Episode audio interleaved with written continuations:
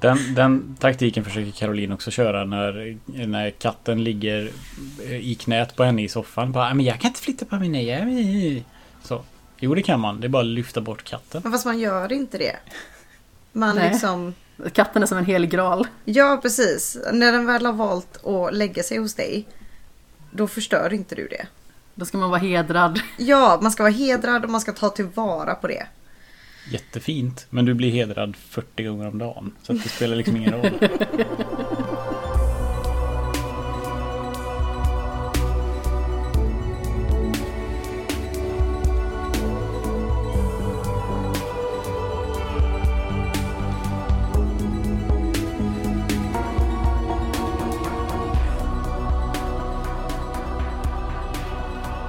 Hej och hjärtligt välkomna till den 44 episoden av Skämshögen med mig Amanda Sten och med Jimmy Seppele som vanligt. Hallå!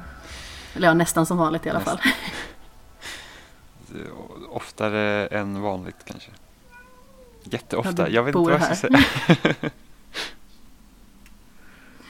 Men det är inte bara vi idag utan vi har eh, finfrämmat i form av eh, Caroline Kling Johansson och Peter Eriksson. Tjena. Hallå! Välkomna hit! Tack. Tack så mycket. Peter har vi ju hört tidigare i den här podden några gånger, Mm. eller hur? Ja, eh, men eh, är det... När var jag med senast? Jag tror att du var med i somras och vi pratade om Lejonkungen när den precis hade släppts. Ja, just det. Ja, just det. Vi pratade mycket om... Ja. Och så eh, hördes jag väl i eh, eh, Garphytte-avsnittet kanske? Just det, när du klev ur duschen. Ja, ja. Ja, det gjorde du. Absolut. Mm. Det var många härliga röster som eh, fick vara med där. Vissa stack Mm. in huvudet genom fönstret och andra satt faktiskt med bordet, vid Mm. bordet också. Vi ska bara klargöra att Caroline inte heter Kling annat än på Facebook. Jaha, okej. Det är helt lugnt, alla tror att det, till och med på bröllopsinbjudningar så står det kling. Vad härligt. Man vill ju inte säga fel och man vill liksom inte typ välja ett av namnen och så typ så här, jag tycker om det här namnet mer. Nej, men det är helt lugnt. Många tror att jag heter det för att det står så på Facebook. Det är ditt artistnamn. Ja, precis.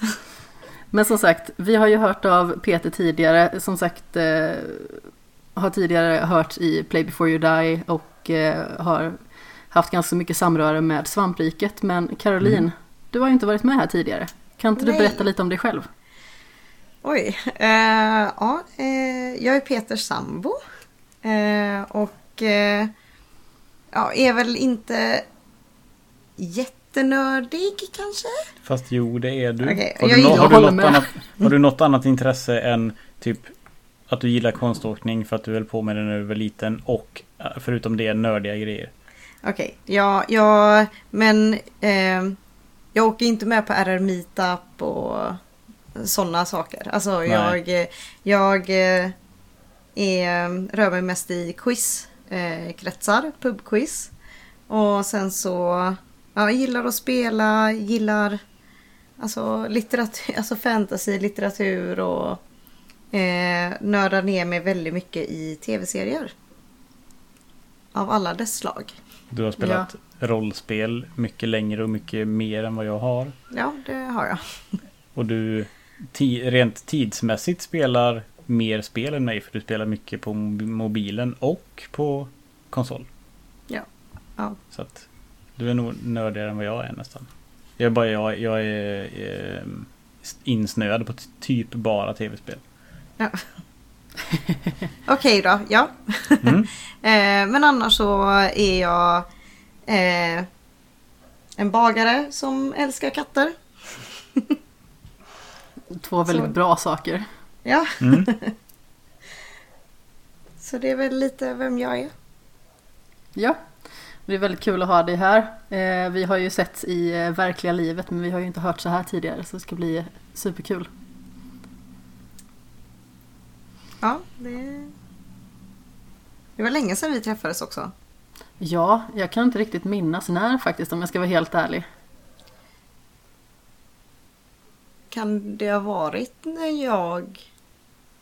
Kan det vara så länge sedan som när jag var med på RR Meetup? Jag har bara varit med en gång och det var 2018. Det kan Sommaren. vara så pass länge sedan faktiskt. Mm. För då åkte vi upp tillsammans. Ja, Eh, Men jag kan inte minnas något tillfälle efter det. det är en herrans massa dagar sedan. Ja, det är jättelänge sedan. Och det är andra gången som du podcastar. Tredje gången. En gång hemma, en gång när vi satt runt eh, bordet hos Bob. Eller Mm. två gånger. Retrospelsmässan va? Ja, precis. Det var då jag hade precis Ja. träffat Peter och eh, vi skulle förfesta lite inför eh, 8-bitarsfesten typ. Kanske det var. Och då helt plötsligt så slänger ni upp en mick på bordet, du och Bob, och bara Nu ska vi spela in ett avsnitt om eh, Retrospelsmässan. Och jag blev, jag fick panik. Men ja, jag var med då. Och sen eh, eh, en gång till i ett skräck, eh, skräckavsnitt eh, i Play before you die. Så fyra gånger? Nej, det blir tre. Okej. Alltså detta är tredje. Vad var det för ett skräckavsnitt? Ja just det, det var en sån här sommar... eh, Men det är Eller en den sån jag här tänker apropå på. kanske. Ja. Det var då vi var hemma hos Bob. Ja. och med Isak. Och så pratade vi om både skräckfilm och eh, skräckspel. Och, ja, men, och mo- mobilspel. Då snackar du om de här eh, Delicious Ja, spelen. Delicious Emily. Ja. Ja, just det. Mm. Ja, ja, det finns ju att lyssna på om man vill lyssna på det. Så det behöver vi inte eh, eh, prata om att vi har pratat om saker. Alltså jag tycker att man absolut bör lyssna på Play before you die. Det har jag kanske sagt eh, ganska så många gånger tidigare. Men det är ju en av mina favoritpoddar som eh, gjorde att jag verkligen eh, började fastna för själva mediet och liksom blev sugen på att göra det själv. Sen så tog det lite tid innan jag började komma igång. Så Mm. sett. Men eh, vi kommer ju pra- prata om lite blandat idag. Vi har ju mest serier som vi kommer prata om. Men själva huvudämnet är ett spel som vi kommer att eh, prata om mer ingående om senare. Så där kommer det vara mycket spoilers i den slutsekvensen. Vi kommer prata om A Plague Tale Innocence. Men eh, innan dess så tänkte jag att eh, vi skulle börja med Better Call Saul. Den har ju ni tre lys- äh, lyssnat på, eller på att säga. Ni har förmodligen lyssnat också, men ni har sett den därtill. Mm. Eh, Det och det har inte stämmer. jag. Är det någon som vill ta taktpinnen? Jimmy får ta taktpinnen. ska, ska jag? Den blir som Eh. är mer ordinarie än oss. eh, Tycker jag kan ta. Eh, ja, så att det var femte säsongen va, som avslutades precis. Ja. Eh, och det är väl näst sista säsongen dessutom. ja, jag trodde faktiskt att det var sista. Jag hade gjort upp en bild av hur, liksom, hur det skulle kunna sluta, ja, gå. Men sen så att jag har liksom bara ställt in mig på att det skulle vara fem. För jag har för mig att var det inte fem säsonger av Breaking Jo, Bad? det var fem säsonger. Alltså de Ja. gjorde ju en fuling med Breaking Bad, det säger ju fem säsonger men sista var uppdelad i två. Så det var ju nästan som sex säsonger. Aha, så, de, så de sände ju liksom första halvan ett år och sen året efter så körde de andra halvan. Så att det var ju egentligen två säsonger i princip. Oh fan. Vi såg ju hela skiten i efterhand. Så att då, det, känd, det var nog därför det känns som ja, fem. Mm. fem För att det är liksom, köper man DVD-boxen eller Blu-ray-boxen så står det liksom att det är fem säsonger. Ja, okej. okej. Eh, jag kollade igenom Breaking Bad i, precis innan första delen av femte säsongen skulle börja. För jag tänkte, ja men bra, då har jag sett allting och sen behöver inte jag vänta på fortsättningen. Då får jag ju allting på en gång. Och sen så fick jag Mm. ändå vänta ett år. så det var liksom, jaha. Eh, men ni gillar Breaking Bad då antar jag? Eh, n- nej. Inte? Jo men alltså det är ju, en, det är ju hatkärlek. Eh, vi, vi, vi brukar säga att vi inte gillar den. Fast den har ju väckt så mycket känslor att det går inte... Alltså man gillar ju den. Fast, Ja, fast- den är fruktansvärd. Nej, alltså ja det är ju det. Jag får... Jag mår bara dåligt av den serien. Alltså... Det är... Ja. Och så... Jag, jag, alltså, jag hatar Walter White så jävla mycket. Alltså det är... Nej, så... Ja, Better Call Saul är bättre. Det finns lite ljusglimtar där. Det finns lite... Den, den är... Ja, nej. Men hur kommer det sig då att man börjar titta på Better Call Saul om man inte gillar Breaking Bad? Eller om man har en hatkärlek till Breaking Bad? Eh, ja, varför gjorde vi det? Det var väl mest för att det var en uppföljare. Alltså, Ja men hatkärleken, kär, kär, kärleken till Breaking Bad är ju att den är så välproducerad och smart och följer eh, liksom en historia en historia över alla fem säsonger. Alltså jag har ju extremt svårt för filler-serier och Mm. alltså sånt där, där de bara knör in massa skit utan som inte har någon, någon mening och det känns inte som att det finns något sånt i Breaking Bad. Eller det har de ju sagt att det inte finns. Alltså den har Den var uttänkt från början. Mm. Eh, och även Better Call Saul. Så jag var nog inte helt övertygad i början tror jag. Eh, alltså, den var ju spännande. Den blev ju spännande men jag nu den här säsongen så vill jag, tittar vi ju på sex, sex avsnitt på två dagar. Ja, alltså Peter är ju en sån som inte förstår eh, konceptet bingea. Och jag älskar ju bingea. Jag också. Eh, och helt plötsligt så ville Peter se nästa avsnitt. Och nästa avsnitt. Och jag blev väldigt förvånad och det, det är ett väldigt bra betyg till Better Call Saul. Ja. Mm. Eh, Den, har ju, den har ju växt under dess liksom tid som den har gått liksom på, på tv så att säga. Mm. För att den liksom, eh, ändå att ta en karaktär som Saul Goodman och göra en hel serie på honom, det var ju liksom, det kändes ju tveksamt från början tycker jag. Ja. För liksom så här att det var en karaktär som man kanske inte var riktigt förtjust i i originalserien. Nej. Mm. Eh, och sen så liksom hur ska man då kunna göra en hel serie om honom? Men jag tycker också att de lyckas, för jag tycker att den är den är många gånger tycker att den är ett bättre drama än Breaking Bad för att de behöver inte ha den här för, för Breaking Bad hade de här liksom nischen av att han, han gör droger. Mm. Och det kändes som att det var en så stor grej att det är liksom det han ska göra. Han, och Jesse ska liksom, de ska fixa de här drogerna tillsammans. Medan Better Call Saul har ju egentligen ingenting sånt utan det är ju mer så att vi ska se hur han blev den person han är i huvudserien.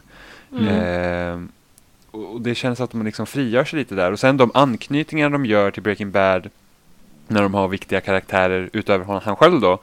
Så det känns inte heller påklistrat eller orimligt utan det känns ganska logiskt att alla är där vart de är.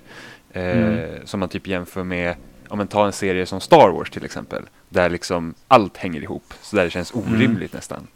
Ja. Eh, så tycker jag att det är inte så här exempelvis. Nej. Eh, men vad tyckte ni om den här säsongen då? Alltså om man jämför det med tidigare. Liksom blir den bättre, blir den sämre? Eh, vi tittade ju Ja, vi, vi såg ju när det fanns fyra alltså, hela säsonger, tror jag väl.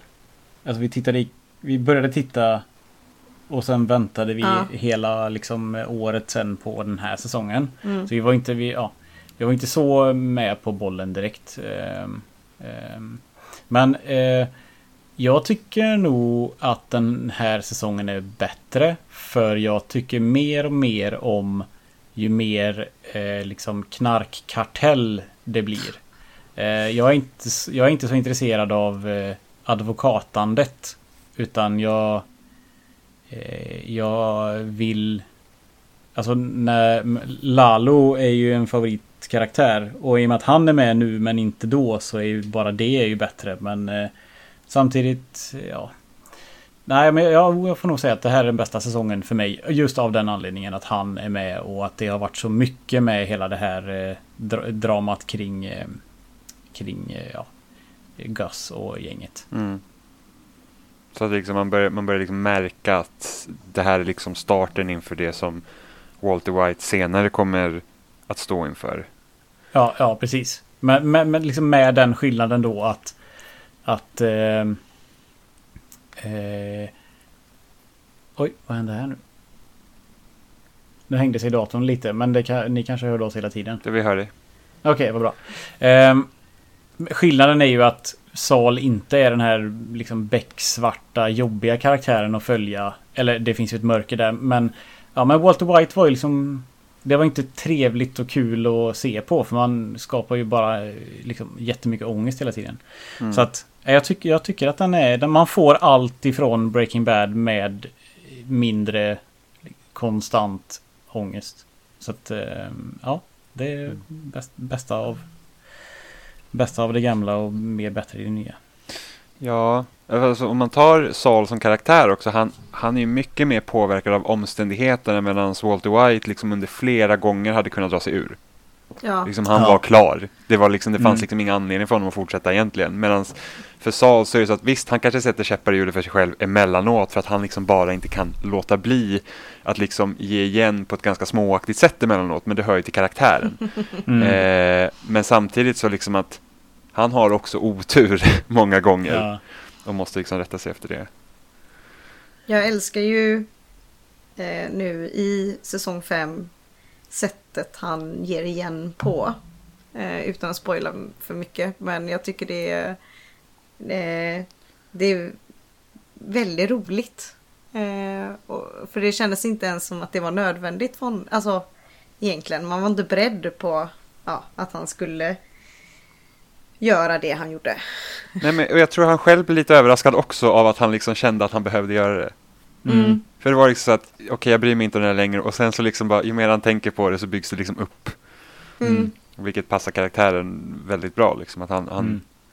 oavsett vad som händer så är det fortfarande samma karaktär så att säga. Ja, Mm. precis. Har du lyssnat på de här, eh, vad, he, vad de nu heter, podcastarna till respektive serie? Det har jag inte gjort. Jag visste inte så att det fanns. Nej, det visste inte jag heller först någon eh, Ivan. Ivan. berättade för ja, typ två veckor sedan. De har ju gjort ett avsnitt, alltså ett poddavsnitt för varje episod av Breaking Bad. Och de har likadant gjort det med Better Call Saul. Där eh, det är inte alltid samma personer men det är alltid ett helt gäng med producenter, alltså de som producerar, writers och screen tjohejsan och eh, han Vince Gilligan och Peter Go Gold? Gold? Vad heter han? Ja, skitsamma.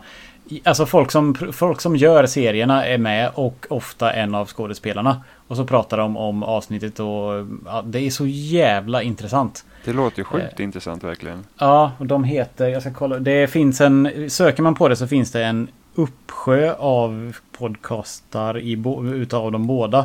Så det kan vara svårt att hitta, men de heter Breaking Bad Insider Podcast och Better Call Saul Insider Podcast. Okej. Och eh, bi, eh, liksom, bi, referensbilden på Breaking Bad, då står det Remember My Name och så är det Walter White. Och den för Better Call Saul, då är det typ som en eh, trasig plansch. Det kan man titta efter när man söker i, eh, i podcastarna. Eh, och så jag liksom, jag började lyssna, för, tror jag, på avsnitt tredje sista avsnittet. Då upptäckte jag den. Så jag har lyssnat på varje vecka nu då med när jag kom. Och så började jag om från början. Så jag har lyssnat på fyra eller fem avsnitt från liksom avsnitt ett av Better Call Saul. Eh, Och ska beta av alla framåt. Och sen tänkte jag istället för att se om Breaking Bad så ska jag även lyssna på alla avsnitt. För det kan jag göra på jobbet så slipper jag liksom Ja men ja, det finns för mycket andra serier som jag inte har sett Mm. som alla säger är så fantastiska. Så då kan jag liksom få uppleva den igen men det behöver inte kräva så mycket tid av mig. Ja, nej, men precis.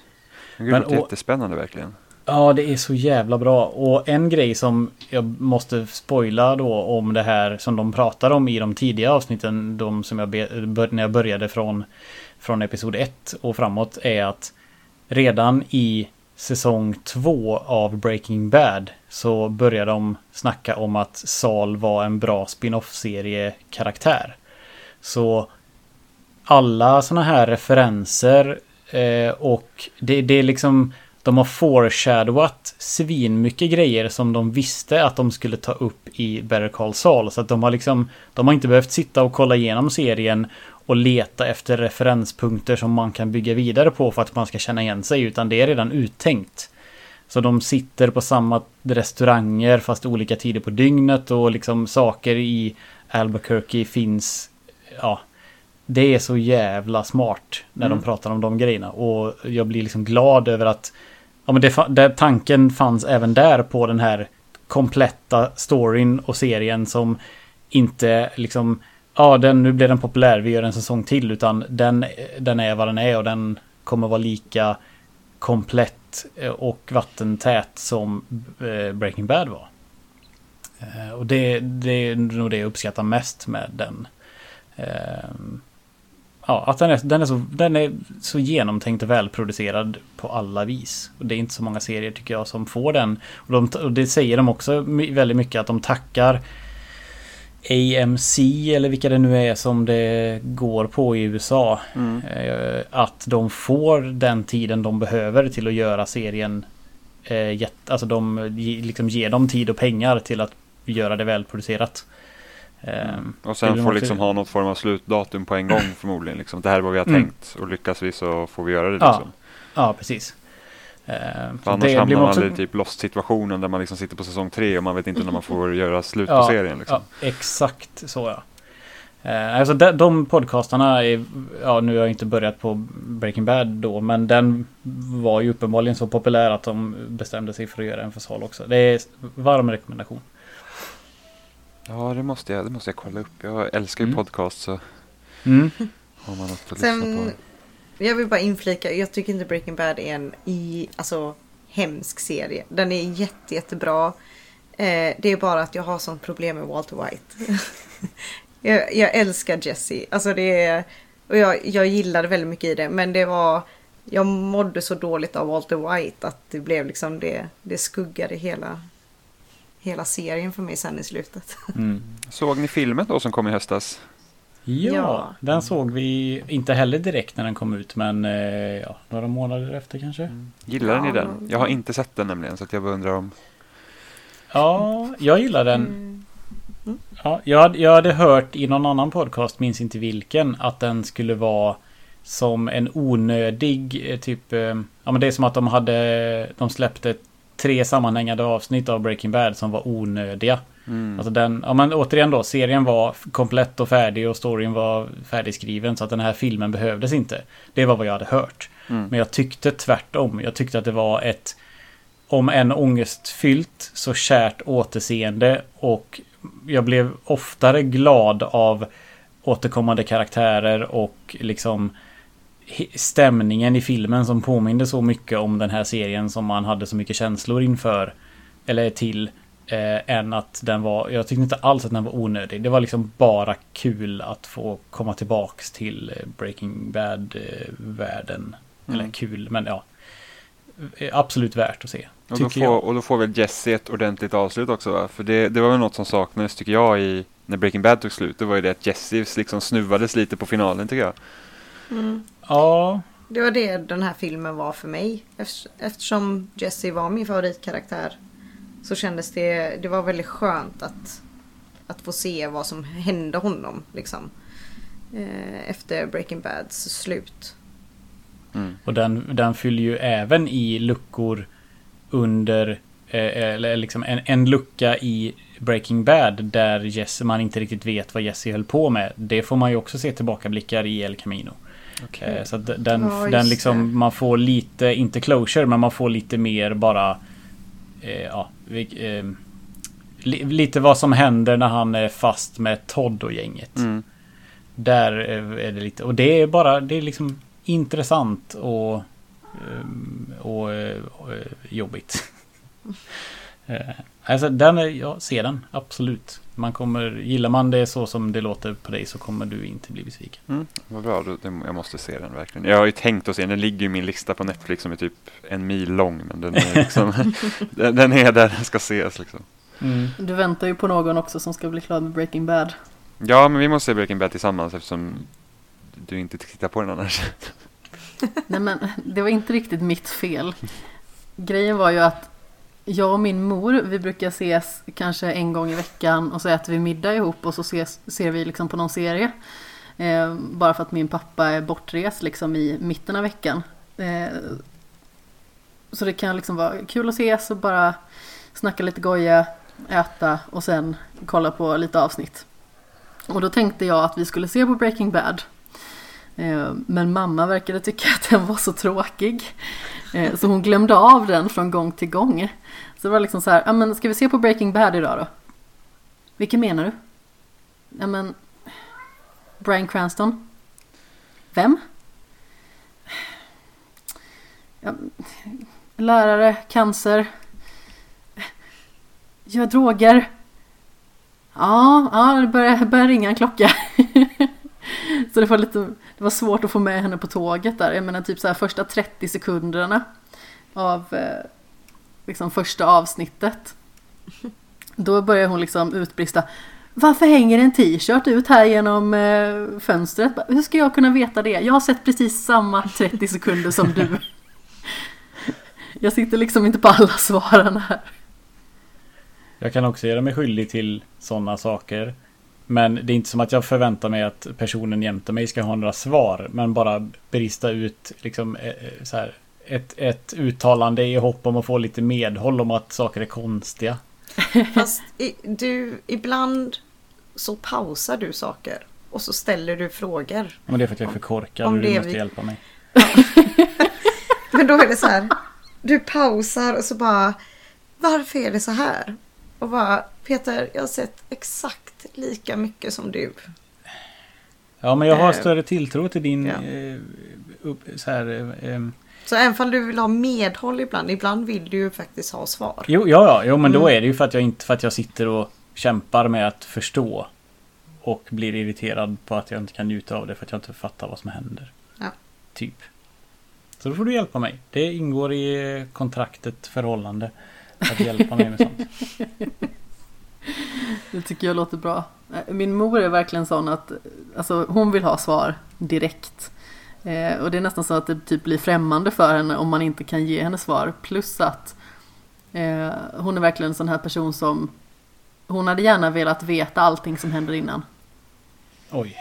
Ja, ja men så hon hade önskat att typ baksidan på filmen hade varit en bok ungefär. Vadå? Eh, alltså är hon sådär eh, anti-spoiler-känslig? Så att hon eh, tycker att det blir bättre om hon vet allt? Nej, jag vet inte riktigt. Nu känns det som att jag hänger ut min mamma som någon form av eh, eh, serieneggo här eller så. Men det är hon absolut inte. för Hon älskar att konsumera serier. Det är bara det att hon är så nyfiken så att hon kan liksom inte hålla sig. Hon vill liksom veta allting som händer. Mhm. Och eh, samma sak om man ska försöka se någon film eller så här. Bara, men nu har jag förberett det här. Hon liksom, hon ger sig inte. För man kan inte försöka typ överraska henne. För hon blir ju nästan arg på mig när jag liksom försöker bara så här. "Nej, men vi ska se en serie. Vad är det för någonting? Men du får vänta och se. Nej! Hon liksom bryt på mig. Mm. Men eh, ja, Men hur mycket har ni sett då? jag såg typ fyra avsnitt. Och det är allt? Ja, Okej. Tyckte du om det då? ja, det Ja. gjorde jag. Men så, så jag vet inte varför riktigt det inte har blivit av. Jag tror att det är för att jag konsumerar hyfsat mycket serier. Och jag, jag känner att Breaking Bad är nog en sån serie det, som kräver ganska så mycket att man är inne i en viss sinnesstämning. Att man ska komma in i det Mm. ordentligt. Ja, det är det ju. Så är det. Vi... eh, Det, eftersom det är en väldigt mörk serie och vi båda hade rätt mycket ångest efter varje avsnitt slut. Mm. Så för att ta oss vidare så bestämde vi att vi är tvungna att se något lättare efter varje avsnitt. Så då efter, för varje Breaking Bad avsnitt så kollade vi på ett Modern Family avsnitt. För att bryta ångesten. Ehm, för att det, ja, man måste vara i rätt sinnesstämning. Annars kan det bli rätt tungt att ta Mm. sig igenom. Mm. Absolut. Har ni sett klart Modern Family nu? För nu är det ju slut. Eh, Peter slutade titta. Ja. Eh, så jag har sett... Eh, jag ville ju vänta tills allting var slut. Så jag, jag har inte sett allting ännu. Jag har bara sett fram till att... Eh, spoiler då. Eh, att... Eh, har ni Mm. sett allting? Jag, jag såg sista avsnittet nu i veckan. Förra veckan. Okej. Och jag har inte direkt sett den. Jag har liksom inte fastnat för den. Ah, Okej, jag har sett sen eh, eh, Hailey föddes, födde sina barn. Och Eh, så jag vet inte om det är en eller två säsonger efter det som är kvar. kan vara en kanske. Ja. Jag inte har helt fel. Men det är en serie som jag tycker tappar väldigt mycket de senare säsongerna. Mm, jag, Eh. Jag slutade titta för att jag tyckte att humorn blev eh, för taskig. Den, var, den hade väldigt mycket hjärta i början och var sådär, ja men som humorserier är alltid. Men sen kändes det, och säkert inte uteslutande, men jag fick liksom nog någon gång när det kändes som att typ eh, Mitch och... Mitch och, eh, eh, men de eh, killarna. Mitch och Cam. Mitch Mitch och Cam. Mm. Alltså varenda gång det handlade om dem så handlade det om att de skulle vara svartsjuka på varandra eller bråka om ett missförstånd eller sådär och så skulle det bli kul. Jag tycker sånt är fruktansvärt tråkigt och dålig dåligt sätt att eh, liksom göra humor på. Eh, något som typ alla svenska komedier gör sig skyldig till. Att de baserar humorn på ett missförstånd där det, missförståndet är att folk är för dumma för att prata med varandra. Typ. Eh, och det, liksom, den humorn funkar inte för mig. Eh, så att då fick jag nog och kände att det, det, ja, jag slutade kolla. Men Peter, var det du som inte riktigt fastnade för Parks and Recreation för att du inte tyckte att de var så snälla mot varandra? Eh, jag har ju bara sett, vad såg jag, två avsnitt? Du såg två avsnitt ja. Ja. Ah. Jag minns inte om det hade med det att göra. Jag tyckte bara inte att den var rolig eller bra. Alltså in i, alltså in, två avsnitt in i, i Parks and Rec så hinner de ju inte vara taskiga mot varandra. Nej. Första du- säsongen är liksom inte heller så jättemycket utan den tar ju fart Mm. i andra och tredje säsongen. Ja det är ju, för mig är det ju när Adam Scott kommer in som Ja. allting blir fantastiskt. Ja, han är bäst. Ja, han, jag Älskar Ben älskar Wyatt. honom. Ja, och så... Eh, det är en fantastisk karaktär. Eh, Alltså han är så rolig, eh, alla hans miner liksom. Ja, har ni sett? Eh, han är jättebra i en serie som heter Party Down. Som, eh, Nej. Den fanns en liten stund på Netflix och sen så eh, nu finns den inte längre. Och han är med i den och den är, jag tycker den är väldigt lätt och väldigt rolig. Eh, men jag tror Peter att du hade väldigt svårt för Chris Pratts eh, karaktär i Parks and Rec. Ja, jag hatade honom. Ja. Sicket jävla as till människa. Han Det är, är så inte roligt. sunkig. Ja, men det är sådana sunkmänniskor som leachar på andras goda eh, samvete är inte kul. Jag tycker inte det. Nej. Han var, han var fruktansvärd. Men har ni sett Brooklyn 99? Nej. Jag Nej. Älskar Brooklyn Nine-Nine. Ja, det är fantastiskt. Alltså, jag ser ju om allting. Det har jag säkert nämnt de senaste avsnitten också. Men alltså, det är så underbart. Och Peter, jag tror att du skulle nog uppskatta den också för att det finns liksom en ton i den som den baseras liksom hela tiden på att de är liksom ett gäng som stöttar varandra och typ de flesta avsnitten slutar ändå med att ja, men man står på varandras sida och sådär. Mm. Eh, Så det blir liksom inte att det på något vis eh, blir så mycket intriger på det sättet. Ja, men de är inte elaka mot varandra för att bara vara elak. Nej. Eh, utan om det liksom blir konflikter så beror det på deras personligheter snarare än att ah, men den här bara mobbar vi nu. För att Ja. det är bara Ja så men det typ som Jerry i Parks and Recreation som alltid får skit. Ja, det, där, jag har faktiskt svårt för det. det. Det är typ det enda i Parks and Rec jag har svårt för. Det är... Ja. Och han heter inte ens Jerry. Nej, jag vet.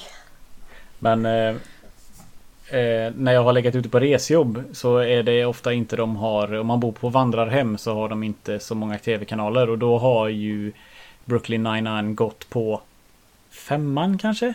Eller sexan eller de här som finns, de här tv-kanalerna som finns eh, för eh, gratiskanalerna. Eh, och det är ju ändå att se ett avsnitt då och då som jag har gjort då när tvn bara får stå på när man ska käka och gå och lägga sig. Så har det ändå varit ganska roligt. Till skillnad från eh, ja, exempel som jag brukar ta då som är How I Met Your Mother eller Snark. Big Bang Theory som nästan Snark. är provocerande tråkigt eh, i jämförelse. Ja, Big Bang de drar ju Theory. bara samma skämt igen liksom. Ja, om men och om igen. Men och Big Bang Theory blir ju också en sån serie där i början var så här, och det är lite kul att de liksom drar nördskämt med varandra till deras haha, de är nördar. Det är liksom, Mm. slutet av den serien är ju bara så här, då har de, då har de liksom grabbgänget där som är liksom supernördar och sen alla kvinnorna i deras liv, de bara mobbar dem för att de är nördar. Och det är typ det som ska vara kul. Mm.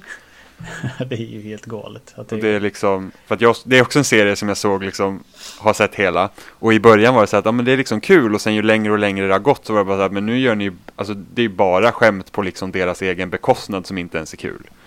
mm. Men jag är sån, när jag börjar titta på någonting så ser jag ju klart det.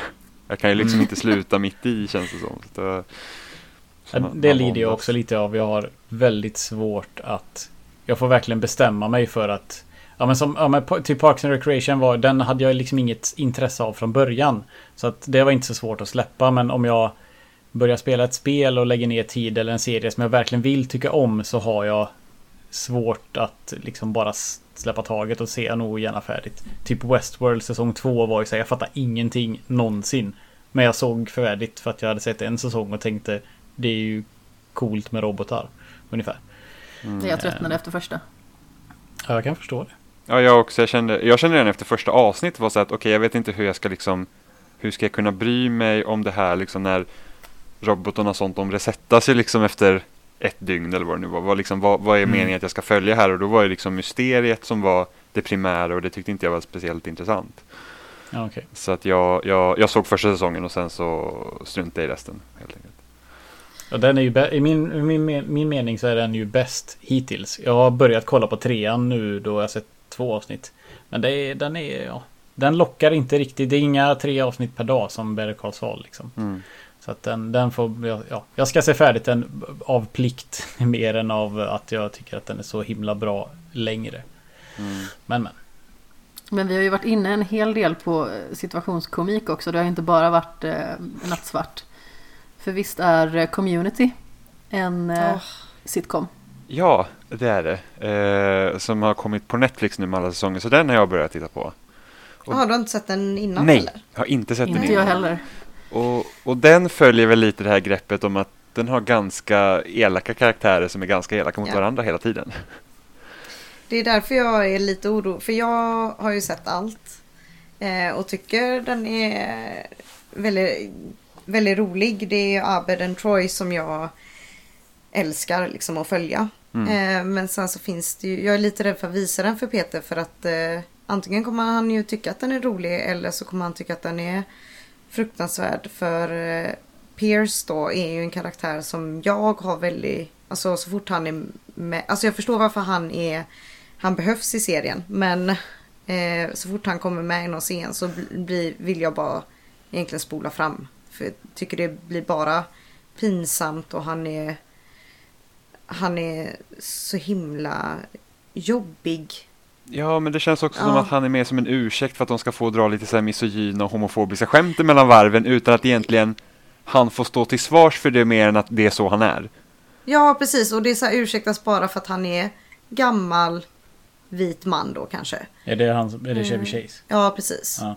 Ehm, men sen så här, jag fortsatte ju kolla för att allt annat är ju roligt.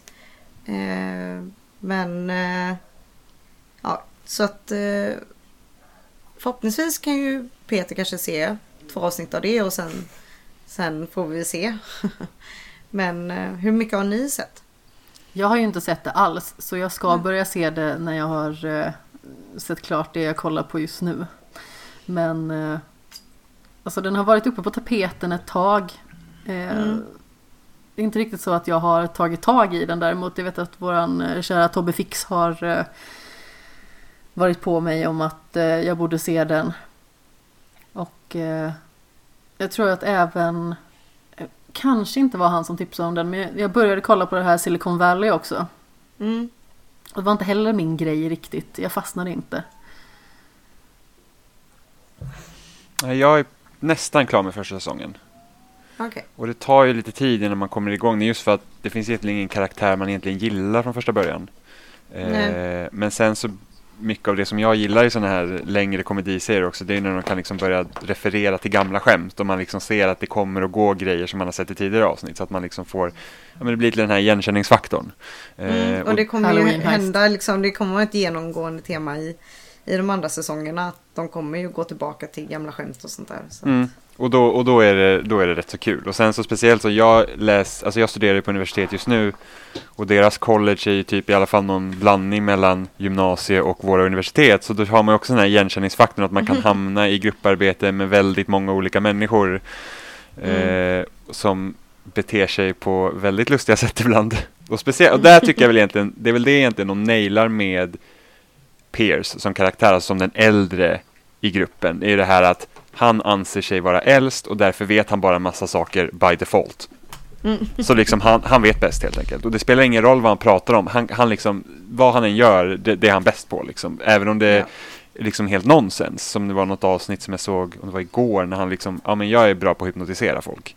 Och det är liksom bara så här, jaha, det, är liksom så- sådana humbug-grejer. Man har ju varit i grupp med sån, liksom, man har varit med någon äldre, så här, bara, nej men så här ska vi göra för att jag vet bäst. Och man säger bara, men du är ju helt galen. Det, det går ju liksom inte att göra så här. Eh, så att eh, på så sätt är det ju kul. Sen så är deras college lite annorlunda för att här liksom i Sverige vi läser liksom en kurs i taget och där har de ju, alltså det är som skola för dem, det är liksom massa olika ämnen hela veckorna liksom. Ja. Eh, Så det blir, det blir lite en blandning mellan typ high school och liksom mer vuxet lärande så att säga. Men eh, det är nog en serie jag kommer se klart i alla fall. Jag tycker att den är, den är rätt så kul faktiskt. Den är, och speciellt när de vågar vara lite när den vågar vara lite underlig, då tycker jag att det är ganska kul. Så man liksom, Mm. Men blir det någonsin så här skämskudde-varning? Alltså Pierce är ju den som man bara säger att jag förstår alltså att, att han är en karaktär. Ja men det är så att äh, det är en karaktär som fungerar på ett sånt sätt att liksom hade den här serien kommit idag så hade de blivit otroligt kritiserade för det. Just på grund av att han liksom, han fungerar bara som att kunna dra liksom opassande skämt. Åh. Och det är typ så här bara, han- åh han gillar bögskämt, haha. Och man bara okej. Men det är ju inte kul liksom. Eh, så att det är väl på, på den nivån. Men det, annars det är inte så här liksom att man liksom bara så här cringear för att det är dåligt. Alltså resten av grejerna. Ja, men för det är ju Nej, det, det som är- jag... Oj, förlåt, säg du. Nej, eh, jag tänkte bara säga det är, det är ju bara på grund av honom det blir skämskudde tycker jag. Mm. Så. Men eh, alltså den handlar alltså, skulle den heta typ komvux? Om den var, om den översattes till svenska? Ja, typ Ja. faktiskt. Ja, det, det är nog en väldigt bra... Ja. Det är nog ganska bra, för de går ju på så ett community college, så det är liksom inte Harvard eller något sånt, utan det är något så här... Ja. Mm. Folkhögskola. Ja, ja, men typ. Och så det är liksom... Läsa upp sina betyg. Liksom. Ja, så då Ja. har man liksom karaktärer då som kommer direkt från high school och sen har du då huvudkaraktären som spelas av Joel McHale som han har varit advokat men det visar sig att hans eh, certifikat som han hade för det, det var fake så att han behövde liksom gå tillbaka till skolan. Eh, och, han Nej, liksom, och han vill ju liksom inte plugga, han vill ju göra bare minimum för att liksom klara sig. Eh, och sen så har du då någon, någon eh, hemmafru som precis har skilt sig och vill liksom lära sig något annat och sen han Pierce då som en gammal gubbe som bara går i skolan för att han kan typ. Och jag har gått med en sån människa som var så att jag läser bara en massa kurser för jag tycker att det är kul och det kan vara en av de märkligaste människor jag har liksom haft eh, nöjet att träffa liksom i, i, skol, i skolan. Att han, vi hade någon så här medieteknikkurs där vi skulle göra någon film och då skulle vi göra så här, temat var så här, ett oväntat möte eller något sånt där. Och han gjorde någon, alltså film, alltså han hade någon så här polsk voice-over och så låg han typ i badkaret med något som skulle vara en pistol och det var liksom, det, det var, alltså det var helt osammanhängande. Man, liksom, när man hade sett klart på det, man var så här, jag vet inte ens vad jag har sett. liksom. Eh, Det var helt galet. Så att, men han, men han, var- han var speciell. Men han läste ju bara, han gick ju bara i skolan liksom för att han, han var pensionär och hade inget annat för sig. Så det är så, det är liksom Van the Man eh, 40 år senare. Ja, lite så Mm. Faktiskt. Men det ska bli kul att se hur den här serien utvecklar sig. För att, det är kul att se Donald Glover också, jag tycker att han är skitbra. Mm, det är, ja, han, han och så han spelar Abed. Mm. Det tycker jag är väldigt... Ja, det är de som är dragplåstret tycker jag. Mm. Ja, jag ska ju ta tag i den här också när eh, väl tid finnes. Men eh, jag har lite svårt för när det kan bli pinsamt. För jag, jag tycker liksom att det är lite jobbigt. Eh, jag är ingen som är bra på att hantera det här med pinsamhet. När jag ska liksom konsumera det på det sättet. För att det kryper verkligen innanför huden på ett eh, jobbigt sätt. Eh, det är det som jag tycker att Brooklyn 99 till exempel gör väldigt bra. Det är ju liksom att de gör tokiga saker Och de fånar sig och de gör helt orimliga saker ibland. Men man känner liksom aldrig att Gud vilka eh, fåntrattar, de är så himla korkade, de vet ju ingenting liksom. Utan det är ju ändå smarta personer som... eh, Nej men... Jag vet inte. De eh, ballar ur lite ibland. Men ändå gillar Ja, du The alltså- Office. Och där känns det ju Ja. verkligen, det, det är ju så påtryckande att det är så här obehaglig stämning. För där, Ja, kan fast- ju, där var det ju flera gånger, i alla fall i brittiska, jag har inte sett amerikanska, men där var det flera gånger man liksom bara sig, man bara kröp innanför den för man bara vet att nu är det jobbigt. Ja, men jag vet inte. Det har, jag tror att det passerar någon viss gräns liksom när det slår över. Att det, liksom, det är så pinsamt så att det känns liksom eh, inte möjligt på något vis. Mm. Jag fattade inte det roliga med eh, The Office. Såg vi två avsnitt eller ett avsnitt eller? Brittiska Nej, jag, eller amerikanska? Jag har sett, eh, vi såg bara brittiska. Eh, men jag har sett allt tror jag. Så Okej. jag vet inte vad vi har sett tillsammans. Jag, jag, kanske, jag såg ett eller två avsnitt och fa- jag tyckte inte det var roligt en enda gång och fattade inte grejen. Så den var, det, det var bara inte för mig. Ehm, och jag har, inte, jag har inte sett ett enda avsnitt av den amerikanska någonsin. Jag har sett lite memes tror jag. På han, eh, vad han nu heter. Eh, Steve Carell tänker du på? Ja, Mm. precis. Alltså, jag var ju verkligen emot amerikanska The Office från början. Bara för att jag kände att ja, men här kommer de, eh, de jäkla jänkarna och bara tror att de ska ta den här brittiska serien och eh, rippa den totalt.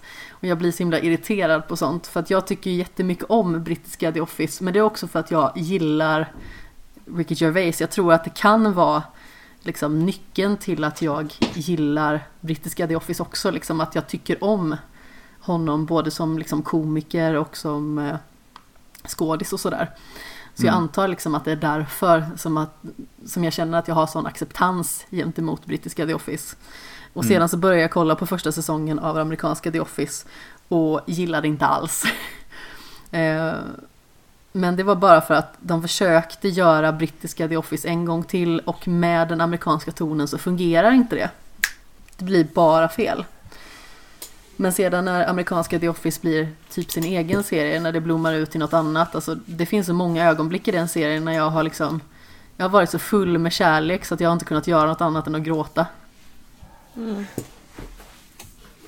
Eh, på tal om eh, Ricky Gervais. Eh, Så eh, imorgon är det ju premiär för Afterlife säsong 2. Ja. Bara lägga in det. Ja, Imorgon är alltså den 24 i fjärde. ja men precis. När avsnittet Mm. faktiskt släpps också. Eh, Så eh, om man gillade första säsongen så borde man ju se uppföljaren. Ja. Ja, den har jag ganska stora förhoppningar på nu. Jag tyckte ju... Jag tyckte det första var väldigt fin och bra. Ja, den första var den bästa serien förra året tyckte jag. Alltså jag älskade den. Men jag kände också lite grann att den behövde ingen uppföljare. Samtidigt så är jag ju lite sån att om jag älskar någonting jättemycket så spelar det liksom ingen roll om jag typ har sagt att ja men det här är så bra och så komplett att det här behöver minsann ingenting mer och sen så, så fort det kommer liksom mer material då blir jag ju som en liten femåring som för första gången får välja godis i lösgodishyllan liksom. Det är Mm. helt jävla ostoppbart. Jo, men det, det är väl... eh, Det är ju inte så troligt att den här säsongen är dålig heller. Det känns ju inte Nej. som en serie som är frampressad av popular demand. Utan snarare att han eller de vill göra en säsong till. Eller, eh, eller så är det bara liksom hjärtat i själva serien som får mig att helt blåögt tro att det är så. Men eh, i så fall väljer jag att gå på den känslan för det känns bättre. Jag var helt blåst av stolen av eh, första säsongen. Mm. Fast Ricky Gervais han brukar vara ganska bra på att inte göra mer än nödvändigt. Liksom därför Mm. är bara Office två säsonger och Derek var två säsonger. Och Extras är också två Åh, säsonger. Extras är Mm. så bra, det är så roligt. Eh, och det är därför de säger att, eh, eller så här, eh, när man läser kommentarerna till säsong två kommer nu. Så det är många som skriver här, ja, eh, Ricky Gervais gör bara två säsonger av varje serie. så det blir, det här kommer bli den sista typ. Ja, vi får Ja, se det- vad som händer. Det gör ju ingenting. Det, det, är, väl, det är väl helt okej om han bara gör två säsonger som är bra och fina. Mm. Eller roliga eller vad det nu är. Och så är man nöjd där. Allt måste inte fortsätta för evigt. Absolut, jag håller med dig fullständigt. Alltså jag tycker ju att hellre att man får en säsong av någonting och att kvaliteten är hög. Mm. Än att man får fyra säsonger och så börjar den på en topp och sen börjar det dala lite granna och sen så kanske den slutar på något helt jäkla märkligt sätt. Alltså mitt praktexempel på det där är ju Sherlock. En serie som jag skulle nog säga att det är min favoritserie ändå. Någonstans, eller en av dem. Den börjar jättebra, andra säsongen var briljant, tredje säsongen var hyfsat bra och sista säsongen den är så konstig så jag vet inte vad jag ska ta vägen. Jag tror vi har inte sett färdigt trean än. Väl? Nej.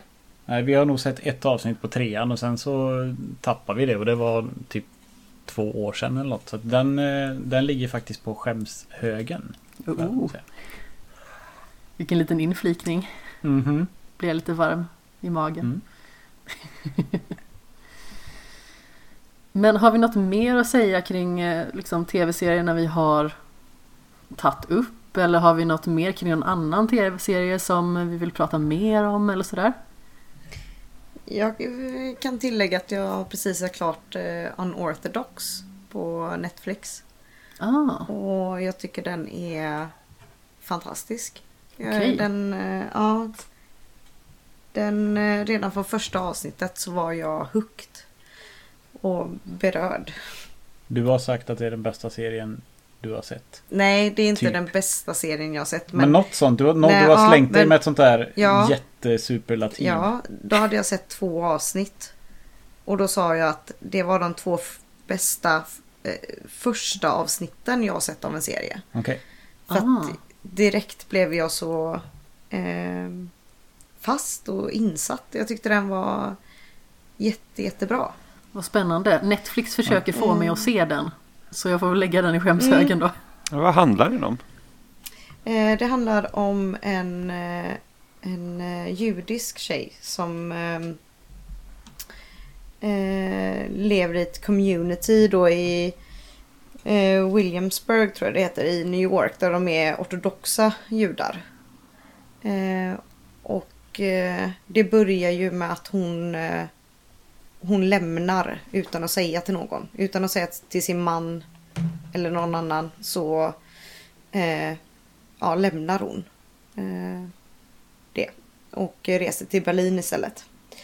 Eh, och då startar det hennes man och eh, en annan då på uppdrag av, eh, av hela communityn att eh, de måste hämta hem henne. Liksom. Det är inte det är liksom inte okej att eh, en, ens fru lämnar. Eh, och så, ja hon vill ju hitta en egen väg då, typ i Berlin. Så det är det det handlar om. Eh, hennes, eh, man får se mycket tillbakablickar, hennes, eh, egentligen från en liten tid innan hon gifte sig och så då själva äktenskapet om han har i ett år innan hon lämnar. Eh, och den, eh, den är baserad på en bok. Eh, nu kommer jag inte ihåg vad hon heter men eh, jag för mig att det är en eh, biografi då av någon. Eh, om ja, sin egen upplevelse då. Så den är, ja, den är väldigt bra. Är, den, eh, är det liksom en tearjerker? Eller är det en sån Ja. Re, ja, men för dig ja, men du är ju lätt gråten av dig. Men är den liksom... Är det meningen att man ska få jättemycket feels? Eller ska den vara liksom... Ska man börja tänka efter att oj så här det är liksom verkligt? eh, Nej, för många? jag tror det Nej, alltså. Eh, jag tror inte den ska vara så mycket att eh, försöka få dig att gråta. Eh, och den är inte så mycket, alltså. Kanske eh, så här för att upplysa hur eh, dåligt hon växte upp eller sådär. Eh, utan jag tror det är mest eh, en känsla av hopp. Eh, att hon... Eh, alltså att hon var så stark och ville lämna när hon var olycklig och att hon är så modig och försöker hitta sig själv då i en helt främmande stad med eh, liksom hon, hon går fram till främlingar hon tycker ser intressanta ut och eh, liksom inte rädd för att liksom hej får jag vara med er? Alltså det är det är liksom en känsla av eh, styrka och mod mer i den. Mm. Eh, Man blir upplyft. ja, precis. Mm. Eh, ja, Utspelar sig i nutid. ja, Och det låter ju spännande. Ja, Ja, jag får ju lägga till den på min eh, tittlista. Jag har själv precis börjat kolla på en serie som jag för mig på italienska heter Il Processo. Även på svenska då Processen. Eh, och det handlar om en åklagare som eh, egentligen ska flytta till andra sidan Atlanten. Och planerar liksom inte att jobba som åklagare längre. Men sedan kommer det upp ett väldigt specifikt fall som får henne att eh, vilja liksom genomföra det fallet innan hon flyttar iväg med eh, sin bättre hälft då. mm. Och eh, det handlar om att det är en 17-årig flicka som blir mördad. Och det visar sig att eh, den här eh, åklagaren, eh, spelad av en skådis som heter Vittoria Puccini. Hon har fött den här flickan en gång i tiden. Men eh, hon var, vad jag förstod, så pass ung. Så att hon kunde inte behålla barnet. Och eh, hon och hennes eh, dåvarande partner, eller vad man ska säga, adopterade bort henne. Så det är liksom så de, typ inom citationstecken, återses igen. Att flickan har dött. Och hon vill Mhm. eh, skipa rättvisa. Det låter väldigt tungt. Det är ganska tungt, ja. Ja, Absolut. Men jag är en sån som jag gillar en hel del mörker och eh, tunga saker sådär men eh, Jag tycker ändå inte att den har dragit ner mig så extremt mycket i mörkret. Kan vara italienskan som gör det också. Nej, men så den har jag sett kanske två avsnitt på ungefär.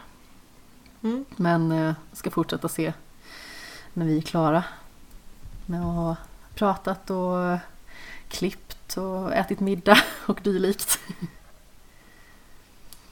Men jag tänkte att vi skulle gå in på kvällens huvudämne. Och det är ett spel som vi alla fyra har spelat som heter A Plague Tale Innocence.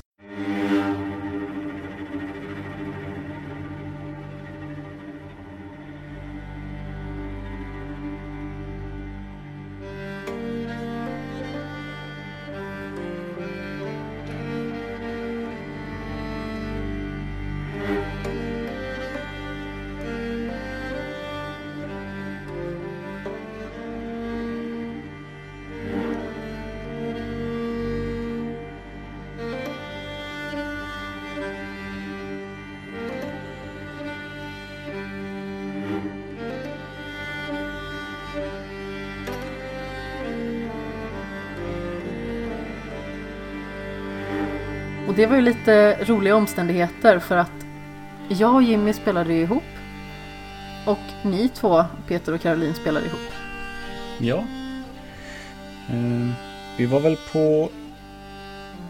Jag tror vi var på jakt efter ett nytt spel att spela tillsammans efter att vi hade klarat... Eller ja. vi- Vi hade spelat Divinity 2. Ah, Tror jag. Eller? nej, det var vi började spela detta efter vi hade spelat om Last of Us. Ja just det, så var det ja. Uh, ja, vi spelade in, innan det blev uh, liksom väldigt mycket Corona och sånt. Så ville jag att vi skulle spela Last of Us 2 ihop. Så då spelade vi när, efter att remasteren av Last of Us blev gratis på Playstation Plus. Så spelade vi igenom det. Och jag hade ju hört att A Plague Tale skulle vara bra. Och eh, det var ganska billigt på någon rea. Och det såg ju ut som Last of Us lite. Sådär tredje person och ja, lite liknande bara. Eh, och sen var det en, ett annat kompispar till oss som hade i alla fall då tror jag börjat spela det och sa att det var bra. Eh, men jag hade varit liksom intresserad av, av den här råttprylen. Jag tyckte det såg fränt ut. Eh, nej, så att vi, ja, vi, vi började och gillade det. Ja, det är ju, vad ska man kalla det egentligen? Det är ju ett tredjepersons action-smygarspel. Alltså det är väldigt många olika typer av moment. Mm. Men man spelar ju som eh, Amicia som är en tjej i nedre tonåren tror jag och hennes lillebror eh, Hugo som eh, jag tror att han är fyra fem år bara. Ja, något sånt känns det Och i inledningen av spelet så förlorar de sina föräldrar. När eh, deras hem, eller herrgård kanske man ska säga, till och med blir stormad. Ganska brutalt. Eller, eller vem är det det här... ehm, eh, Får, tro, får man inte hon ett typ svärd i magen eller något sånt där? Mamman? Ja. Eller är det en soldat som får det genom en dörr? Ja, man, Väldigt- man ska alltså, tro i alla fall att mamman får svärdet genom magen. Ja, just Ja. det. Ja. Ja, jag, jag, jag tyckte det, liksom brutaliteten kändes eh, välkommen. Att det inte var ett... Att de inte censurerade det för att det var unga huvudrollsinnehavare. Typ att det skulle vara för en ung publik. Eh, Nej, men det kändes som att det skulle vara ett väldigt mörkt spel redan tidigt. Mm. Ja, nej, jag gillar det. För mig så kände jag däremot att det tappade lite längs med resans gång på något vis. Jag tyckte att det verkade väldigt spännande initialt men det finns vissa punkter som gör att det liksom tappar lite grann känslan för mig. Mhm. För att jag tycker exempelvis att eh, dialogen och röstskådespeleriet är ganska så taskigt. Mm. Ehm, Peter, spelade du eh, Sea of Solitude när det kom? I somras? Eh, nej. Ja, det var ju Jag något tror- sånt här... Eh, eh, vad ska man säga? Ångestfyllt, eh, väldigt personligt eh, litet spel. Ja, var det tjejen i båten? Precis. Ja, nej, det har jag inte spelat. Nej, och jag gillade inte det. Bland annat på grund av att dialogen där var ganska så medelmåttig. Plus att röstskådespeleriet var ganska så kackigt. Och det lät liksom väldigt styltigt alltihop. Eh, Och det tappade på, så, på något vis sin äkthet och sin känsla. Och jag tyckte att lite likadant så var det här. Att Okej. eh, det kändes som att de på något vis typ så här, pratade konstigt med sig själva. och Det kändes liksom som att dialogen inte flöt. Mhm. Det kändes som att Åh, har du hittat någonting där borta? Ja, jag har hittat någonting här borta. Alltså det, det var liksom på den nivån. Mm. Eh, Som sagt, jag tror du, du skrev något på Twitter om det och jag höll inte med dig. Eller om det var det eller så var det att du tyckte att karaktärsmodellerna var fula. Ja. Var, var det inte så? Eh, Som jag inte heller höll med om. Men eh, Eftersom att det har varit så mycket, eller i alla fall efter, efter vad jag har hört i, i spelpoddar och liknande Så var det ju så himla tydligt dubbel A. Att den här studion liksom har hankat sig fram på att göra spel som blir bättre och bättre. Eh, eller vänta lite nu, blandar jag ihop det med... Jag kanske blandar ihop det med... Hellblade kanske? Nej, jag blandar ihop det med Greedfall. Det är de som har gjort det här Technomancer och Bound by Flame, tror jag. Äh, Okej, stryk det, glöm det. Men...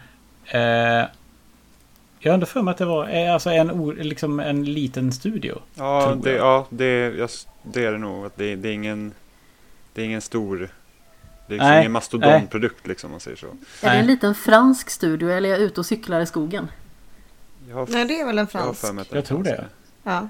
Ja, ja jag, hade, jag hade i alla fall på något vis blivit matad med att det inte är liksom den här superproduktionen. Och för vad jag hade sett eller vad jag, även tycker om spelet efteråt eller som helhet så tycker jag att det håller en hög kvalitet på det mesta. Eh, man kan ju liksom inte jämföra med Red Dead 2 och sånt. Nej, nej, alltid. absolut inte. Eh, Men och sen får, kan ju vi ha olika åsikter om det oavsett. Men, eh, men eh, jag hade nog inte så höga förväntningar att gå in med riktigt på just ja, men produktionsvärdena eh, direkt.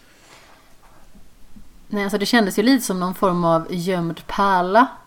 Så Mm. som jag hade förstått det. Och jag känner absolut inte att det skulle vara liksom ett sämre spel på grund av att det liksom inte är en AAA-studio. Utan det var framförallt liksom att jag gillade upplägget i spelet initialt.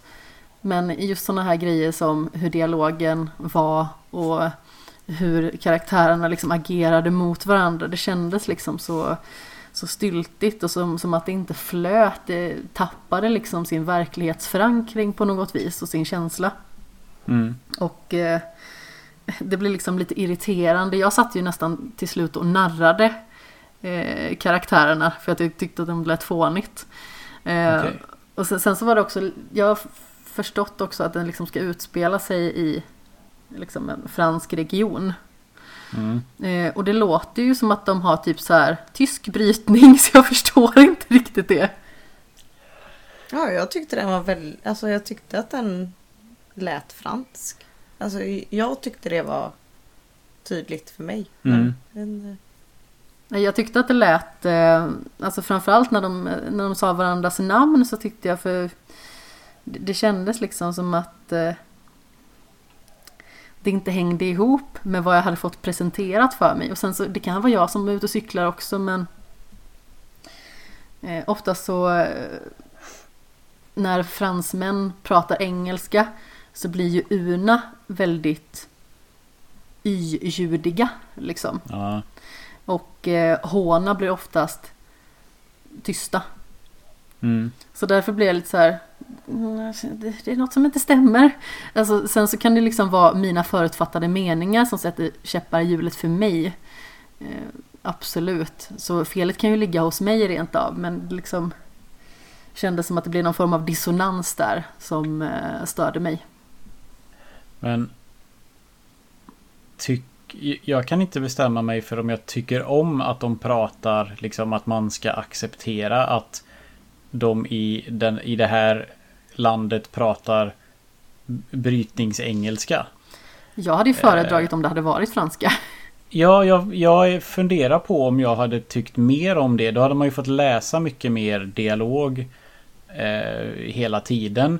Men det, det känns som ett litet djärvt konstigt beslut att så här, ja men vi måste, vi måste ha engelska för att annars kommer folk inte begripa och då kommer ingen köpa det. Men, men, men vi får bryta. Det känns liksom lite oärligt på något vis. Eller jag, jag vet inte Ja. riktigt.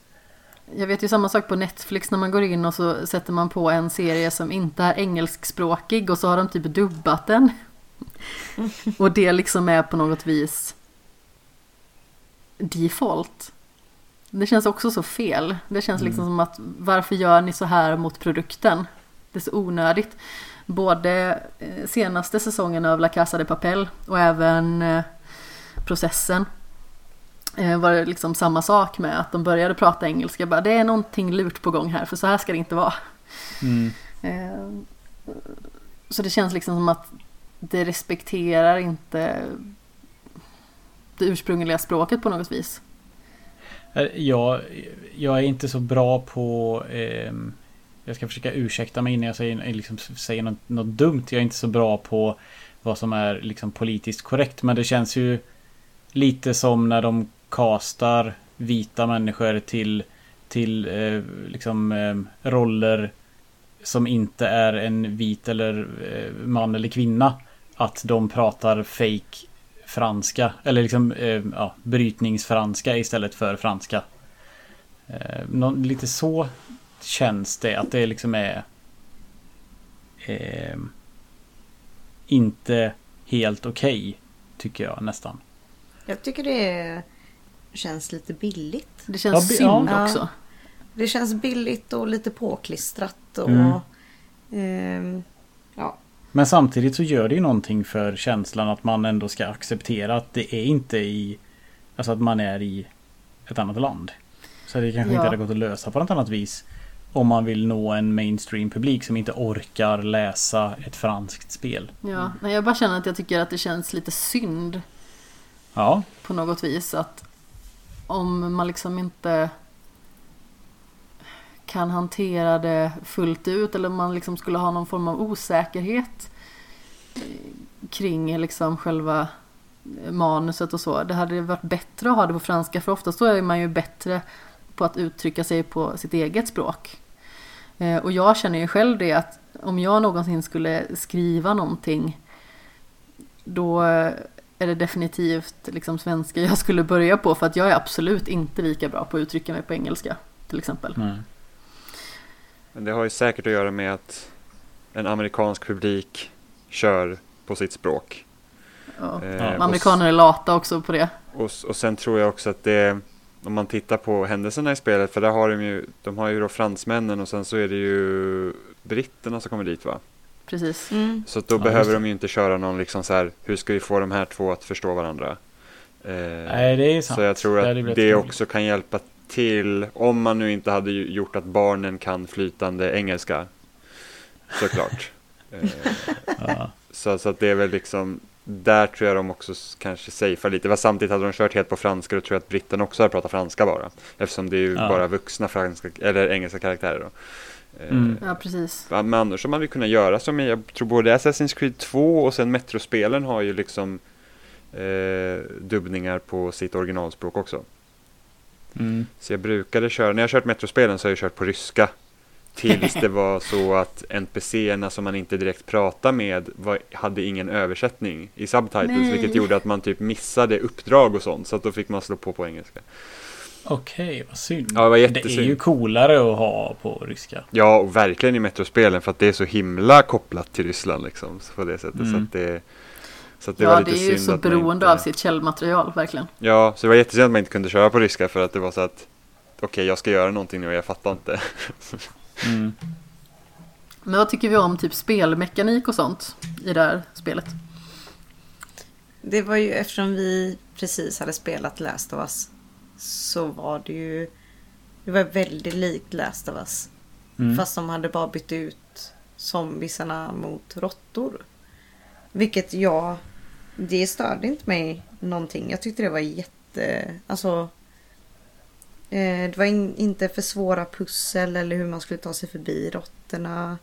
Det Eh, var ett intressant inslag också kan jag känna liksom med råttorna i sig. För att det är inte Mm. ett uttryck som har använts i spel så mycket innan. nej, det var ju det bästa med spelet tyckte jag. Ja. Alltså råttorna. Ja. De var så himla äckliga. Ja, det var helt vidrigt. Ja, man fick ju panik när de bara vällde upp i högar och bara kryllade och det är verkligen... Alltså jag gillar gnagare. Eh, så när jag ser kanske råttor här i Göteborgs stad så kan jag vara så här, åh en råtta, gud vad, vad roligt eller vad gulligt. Men här i spelet, det var verkligen så här, det kröp i hela kroppen. Mm. Alltså den här typ Eh. råtttornadon som kommer till mot en någon gång i spelet. Man bara, vad Mm. händer? Rädda mig någon. Jag tycker att det var precis lagom tv-speligt.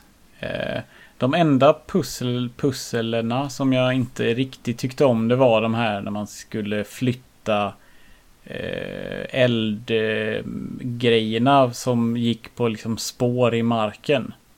Eh, det kändes... Jag, jag köpte typ... Liksom, det, är ju, det är ju på något vis övernaturligt det här med råttorna. Att de är så många och att de är... All, liksom, alla råttorna är alltid lika rädda för eld och sådär. Det, alltså, det köpte jag rakt av. Ja. Men de här intrikata...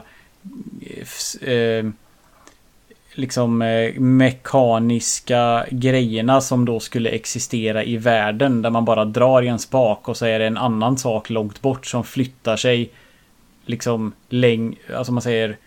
Eh, eh, den, den sträckan du pötter någonting överensstämmer ju inte med saken som du ska rotera eller flytta på. Så, alltså, jag, jag tyckte inte att det, behöv, att det skulle kunna finnas i världen.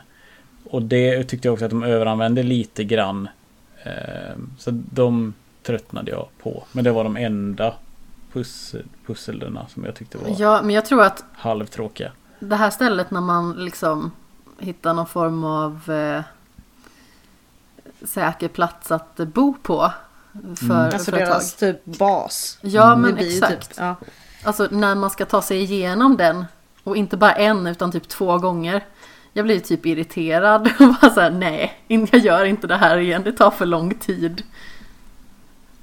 Ja, det, det, var, det var nog lågpunkten i spelet för mig. Annars så gillar jag mycket. Då gav jag kontrollen till dig Jimmy. Ja, det gjorde det. Så fick du uthärda. Ja, men det kunde bli lite långtradigt ibland faktiskt. Och speciellt när man skulle liksom vara upprepande grejer man ska göra. Ja, Sen kände jag väl ibland också att vissa pussel kunde vara så väldigt oklart vad man skulle göra först. För att det är liksom, jag kände att spelet ändrar sina regler ibland. Så att ibland var den liksom superkänslig på vissa ställen och ibland så fungerar vissa liksom förmågor som man hade för att få undan råttorna. De fungerar inte för att du skulle göra på något annat sätt. Mm. Eh, speciellt den här man fick ganska nära slutet av spelet när man kunde liksom jag slänger en grej här bort och så springer alla råttorna till den. Eh, Ja. Så var man på något pussel där jag Man försökte skulle få... mula två vakter. Ja, och så skulle jag få in råttorna i ett annat rum och så tänkte jag men jag slänger den här grejen in dit så springer de ju efter den och de liksom reagerar inte överhuvudtaget för att man ska göra på något helt annat sätt. Eh, Mm. Och sen så kommer man till rummet efter det och där funkar det att slänga på längre avstånd så att sånt kunde bli lite störigt liksom. Listade ni ut hur man räddade soldaten som blev uppkäkad av råttor? Eh, man kommer till typ en eh, lite längre korridor och så ser man en soldat längre bort. Det är väl typ en vagn. Det är ju typ utomhus och så kommer du in i en, en vagn typ. Jag tror man kan rädda soldater vid flera tillfällen. Och det här var en trofé. Den heter typ Save the Soldier eller Ja, någonting. jo, men den tog, Och vi den tog jag. Okej, för vi försökte liksom... Det var, det, vad var det? man, man, man... Man var tvungen att lägga ifrån sig facklan och gå, Ja, man, alltså, Man gå kunde- fram och då dog han för att man inte hade ljus med sig. precis, man, Och det, vi, vi fick kolla upp hur man gjorde sen för vi liksom, han blev uppäten och det, vi tänkte att det går väl inte och sen så fanns det en trofé så bara vad fan Ja. så vi var tvungna att kolla. Visst var man skulle gå fram till mitten av korridoren, vända sig om och sen placerar man facklan där eller någonting sånt. Så Ja, kunde precis. man- Ja, precis. Ja. Det var lite liksom... Jag blev inte sur på det för vi tänkte ändå ganska mycket på hur man skulle lö- Det kändes som att det gick att lösa och då blev jag glad att man kunde rädda honom också. Mm. Ja, jag ville verkligen Ja, rädda honom. Jag tyckte det var typ en fin grej i det här spelet att man kunde rädda en av... en av fienderna. Ja, precis. Ja. Mm, och inte liksom egentligen få det valet presenterat för sig att nu gör du så här eller så här. Nej. Eh, utan Mm. att det är så att han säger nej jag vill inte dö typ och sen så kan man okej kan vi se om vi kan rädda honom. Eh, för Mm. det, det påminner lite om Spec Ops The Line hade ju sådana saker. Där man kunde Alltså genom att testa så hade du liksom valet och det, det är ingenting spelet säger åt dig att göra utan det är liksom Det finns flera gånger i det spelet där man liksom Där du blir beordrad att göra en sak men du behöver inte följa den orden utan det kanske finns tre eller fyra olika möjligheter att klara den situationen. Liksom. Mm. Så det är väldigt spännande. Men vad hände när man eh, räddade honom? Han, han blir kvar där och typ tackar för att han inte dog. Och sen får man springa vidare liksom. Jag, jag tänkte att han skulle följa med. Alltså bli en av entouraget Ja, typ. nej. Och, En av oss, en av oss. ja. Vi fastnade svinlänge. Det här är pinsamt. Mo- Peter. ja, det är så pinsamt. Mot Nej slutet så ska man rädda smeden. För han ska öppna typ en lönndörr. Och så är det en sån jätterustningsgubbe i ett litet rum. Det är På universitetet. Ja. Man träff, typ precis när man har träffat smeden. Eller smedens son. Ja. Ja. Och så kommer det dessutom in två vakter till. Och vi försökte hur länge som helst och bara sprang i cirklar och undvek de här två vakterna och han bara gick och liksom klampa efter och svingade väl på. Är det med Eh, ljuskronan och- eller? Ja. Ja, vi, Jaha. ti- Alltså, så pinsamt. vi, så ti- pinsamt. vi tittade liksom aldrig Upp. upp i taket tillräckligt högt för att se den här jävla takkronan. Jo, så jag vi var såg- helt vansinnig. Vi såg takkrona. För jag kommer ihåg att du sa så här. Vad fan ska vi göra? Ska vi släppa... Alltså så här, ska den här takkronan typ lossna eller någonting? Men vad vi aldrig såg var ju att den blinkade till. Ja, det, ja just det. Det är Som en- kedjan längre ja, upp precis, som man som ska att- träffa. En Ja. indikation på att här ska du skjuta. Det, det blinket såg aldrig vi. Nej. Så att, eh, ja. Men jag tror att Det- man kanske lätt kan missa det. Jag har för mig att jag satt och styrde då och eh, sköt på den direkt. Och jag har för mig att du Jimmy sa typ så jaha, skulle man skjuta ner den? Jo men tog inte du kontrollen av mig? För att jag såg inte vad vi skulle göra. Jag har för mig att det var så. så kan det vara. Jag har för mig att det var så att jag ser inte vad jag liksom så här, eller så dog jag av någonting. Jag sa nu får du spela och sen så Sen så såg du den för att Ja, Så kan det ha varit. för att det var flera gånger Men det- i Vad spelet brutal det jag kändes där. Jag tog kontrollen. Ja men det, jag tyckte det var flera gånger i spelet det var någonting sånt att man säger att Jag vet inte riktigt vad jag ska ta mig till. Det kändes så dumt. För, eller så här, det är därför jag tyckte det, var, det är lite pinsamt. är att vi har en jättestor takkrona över oss. Och vi liksom, vi ser inte. Så att, ja. Men ibland så kan det vara det som är för uppenbart. Liksom att man tror att det ska vara mer innästlat på något vis än så. Mm. ja. Man snurrar sig liksom in sig i egna tankar för att man tänker att ah, men, i de tidigare pusslen så har man ju gjort så här och man kanske måste göra så här och tänk om det är så här och jag menar de här eh, vakterna med hjälm på de måste man ju skjuta två gånger i huvudet för att eh, de ska dö. Kanske är det man måste skjuta den här i röven också, jag vet inte. Och på tal om det så tyckte jag också det var lagom speligt att det blev inte för invecklat med den här slangbällan man hade. Eller slingshotten. Vad heter det på svenska? Ja, nej, men det är en sån här, åh vad heter det? Det är Stenslunga. Ja precis, det är sånt som David använde. Ja, just det. Eh, Eh, det, det, liksom, det, var, det var kul att välja vad man skulle uppgradera. Återigen var ju det väldigt likt eh, Last of Us också. Hur man liksom samlade grejer och uppdater, upp, uppgraderade. Och eh, stod till och med liksom, fonten på symbolerna i spelet var nog väldigt lik. I alla fall på Playstation var också väldigt lik Last of Us.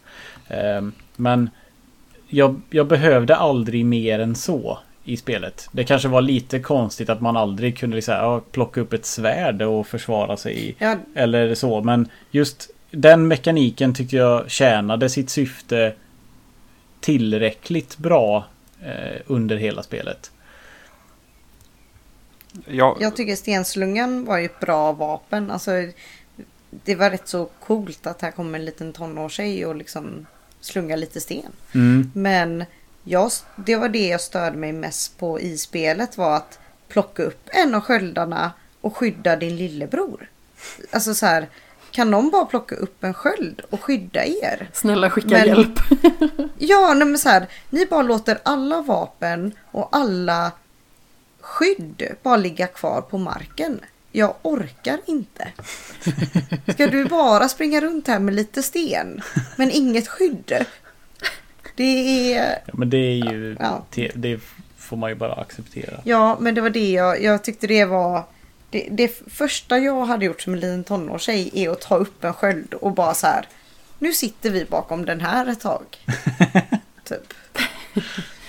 Jag tycker ändå det är ett ganska kul inslag med just stenslungan i sig för att det känns ju liksom inte som ett så givet vapen ändå. De flesta Nej. spel har ju ganska så traditionella vapen eller kanske, vad ska man säga, avarter av traditionella vapen. Mm. Men det kändes verkligen unikt och det var det jag fastnade för från början.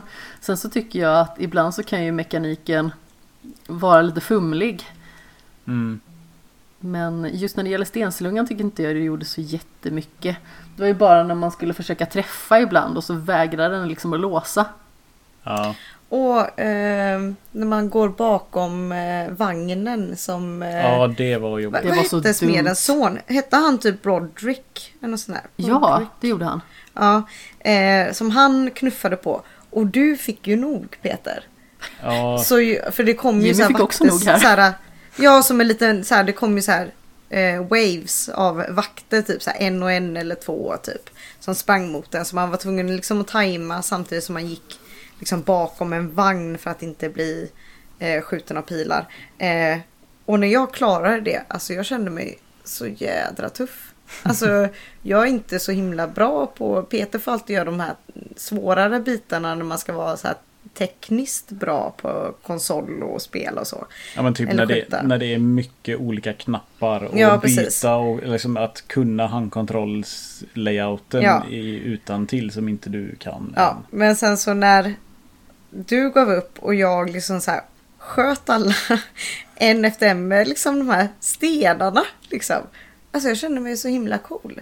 Jag var liksom tuffast i världen. Jag hade kunnat Mm. göra det in real life kände jag. Men just i den sekvensen så var det ju så himla mycket att hålla koll på också. Jag tror att vi Mm. fick köra om det några gånger också. Det som är så himla irriterande i det här spelet också är att man måste se om allt igen. Jag blir så himla irriterad Ja. på den här Roderick när Amicia bara vill hjälpa till och knuffa på vagnen Ja. och han typ knuffar bort henne. Jag bara, ditt rövhål! Mm. Kan inte du bara liksom bli träffad av pilbågarna då? Bli det, visst! visst. Och sen när han dör så sa Jimmy något i stil med ah, nu var det lite sorgligt och jag bara nej, där fick han Nej, jag tyckte det var jättesorgligt faktiskt för att han hade typ offrat Han har ju ändå så fått en lite så connection med Hugo. Alltså, Hugo var ju lite av en så här äh, liten awkward unge som inte riktigt connectade med någon annan än sin syster kanske. Ja, jo, sant. Eh, endast när han typ plockade blommor åt henne, vilket var en väldigt fin grej. ja, det var tyckte jag. Ehm, ja, det, eh, blomplockningen tyckte jag om. Men så därför blev jag lite ledsen när Roderick dog. Att han var den enda som hade connectat med ungen. Mm. Sant, absolut. Vad tyckte ni om de andra bikaraktärerna? Typ tjuvungdomarna var det Ja. väl två stycken var det inte det? Ja, Eller en två. tjuv och hans syster det? Ja, hon som eh, bröt upp lås. Ja, Henne vill jag ju kasta åt vargarna alltså. Vilken surpuppa. ja jag tyckte hon var jättejobbig. Faktiskt. Jag störde mig inte lika mycket på henne som på eh, ungen som kan all alkemi när han är fem. Ja, jag, kommer, jag kommer inte ihåg vad han hette men det var helt orimligt att han skulle vara skitduktig på alkemi bara för att han... Han har varit vet jag, lärling han- till eh, den här alkemisten som man ska leta efter. Ja, just det. Och sen typ han- löste han- det här jävla receptet som typ mamman i spelet hade liksom arbetat med typ hela hennes livstid. Det gjorde han liksom på typ Ja. såhär, åh jag fick en bok här, bara, ja men så här är det. Ja, så jävla töntigt. Han, han gillar jag nog minst av alla faktiskt. Eh, Hon eh, lås eh, uppbrytar eh, donnan. Eh, Jag höll på att få bryt på henne. Hennes dialog var så himla taskig hela tiden. Det var typ så här. Den här personen försöker bara vara trevlig mot dig och bry sig om dig och du är bara ett anus. Ja men såhär, ni har eran bas, ni kan vara säkra här. Och hon bara, nej vi ska gå. Och bara, men stick då. Alltså, så stannar vi kvar här vid basen och så kan du gå och vara en tjuv. Ehm, vad tyckte ni om, eh, ja men typ gubben, alltså den gamla, hela, hela, hela eh, bad guyarna. Jag Bad fattade guyarna. faktiskt aldrig. Bad guy, vad, heter ja, men ondingarna liksom. Jag fattade aldrig riktigt ens vad det var han ville.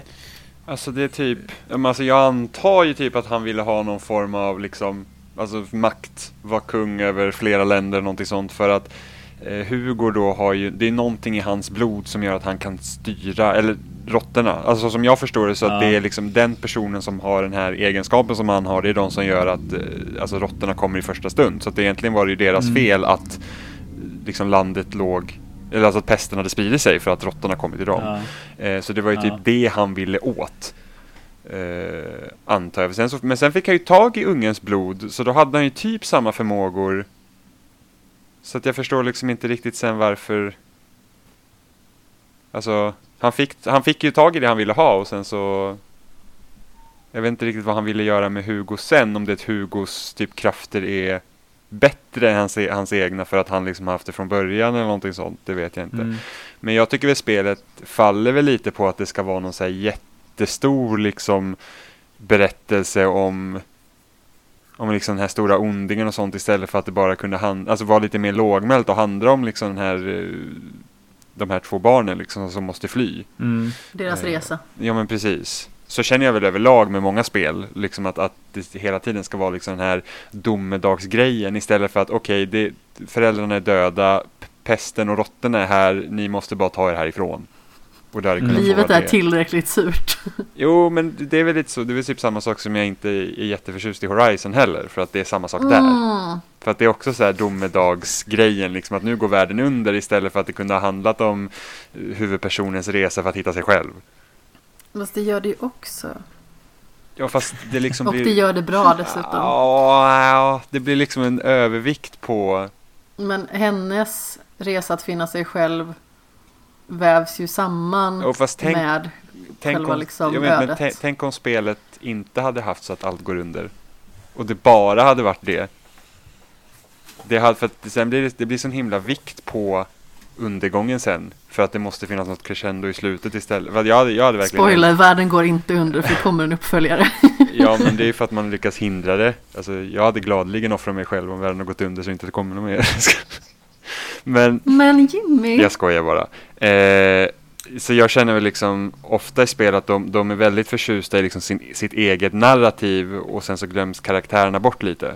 För Mm. att man måste Mm. komma till någon form av final på, på liksom det stora så att säga. Mm. jag tror att många hade liksom tjänat på, men ta en grej som Last of Us till exempel. Där följer du liksom Joel och Ellie och visst att det finns en berättelse att oh, Ellie kan liksom vara botemedlet. Men slutet handlar inte om att det kommer en miljon klickers och liksom eh, kör över liksom eh, stället man kommer till. Utan där är man ju själv liksom egentligen den onda i slutändan. Men det är liksom fortfarande, Ja. där är ju deras resa och deras karaktärsutveckling i fokus hela tiden. Mm. Jo, men Eh, precis. Ja, det blir aldrig något så här s- stort, alltså någonting som ska vara större än själva det det har handlat om hela tiden. Nej men precis, egentligen. liksom, det övergripande narrativet var liksom att, att de här två, de skulle ta sig till det här stället för att Ellie kan bära på ett vaccin. Mm. Och sen, men, men liksom det slutar inte liksom där med att det hade lätt kunnat liksom bli någon så här hårdliknande situation att man ska stå och skydda mot en massa jävla klicker som kommer till medan de snabbt liksom kör hennes blod genom någon dator och sen vips hittar de ett vaccin och sen är det slut liksom. Utan det Mm. blir ju liksom så att okej, Ellie måste dö för att vi i så fall ska kunna hinna ett vaccin och Joel accepterar inte det. Och det är liksom crescendot, liksom, att då, då är det man själv som utför de handlingarna och sen så tar man Ellie därifrån. Liksom. Det, det, blir, det blir så Mm. himla mycket bättre än att, och det känner vi lite här också, att det hade ju bara kunnat handlat om att de skulle liksom ta sig bort därifrån. Ja. Ja men precis, Och och ta för sig hitta-. Ja, försöka hitta kanske botemedel till vad nu Hugo har i sitt blod. Mm. Ja men Ja. precis, för liksom, vad Men- är det? Och det hade ju kunnat, det hade ju kunnat Mm. bindas ihop då med det större, liksom det hela. Och sen hade man kanske kunnat, jag vet inte, om man nu vill ha uppföljare till spelet, kunna bygga vidare på det där. Men då hade man haft liksom att det här var deras historia från början till slut. Istället för att det ska liksom bli någon så här typ, ja men Hugo blir nästan som så här typ råttguden liksom. Ja. Ja, det, det hade inte blivit en så här jättestor bossstrid i slutet. Nej. Så, eh, nej, det kan jag hålla med Och just den fighten också, den sista där. Eh, med den gamle gubben. Eh, den är så tråkig den striden. Ja, Den var inte så bra. Nej. Nej. Den var nog det tråkigaste i spelet. Av, alltså så här, ja, det, det var lite antiklimax tyckte jag. Mm. ja men det blir så här, jaha, var det här allt helt plötsligt liksom? Ja, så här, Mm. han välte ton av råttor på oss. Ja, Jag springer lite åt vänster. Så får jag inga råttor på mig. Det påminner lite om eh, Nu har inte du spelat det Caroline men i eh, Uncharted 2 Ah, Uncharted vet du vad det är? Ja du vet ju vad det är.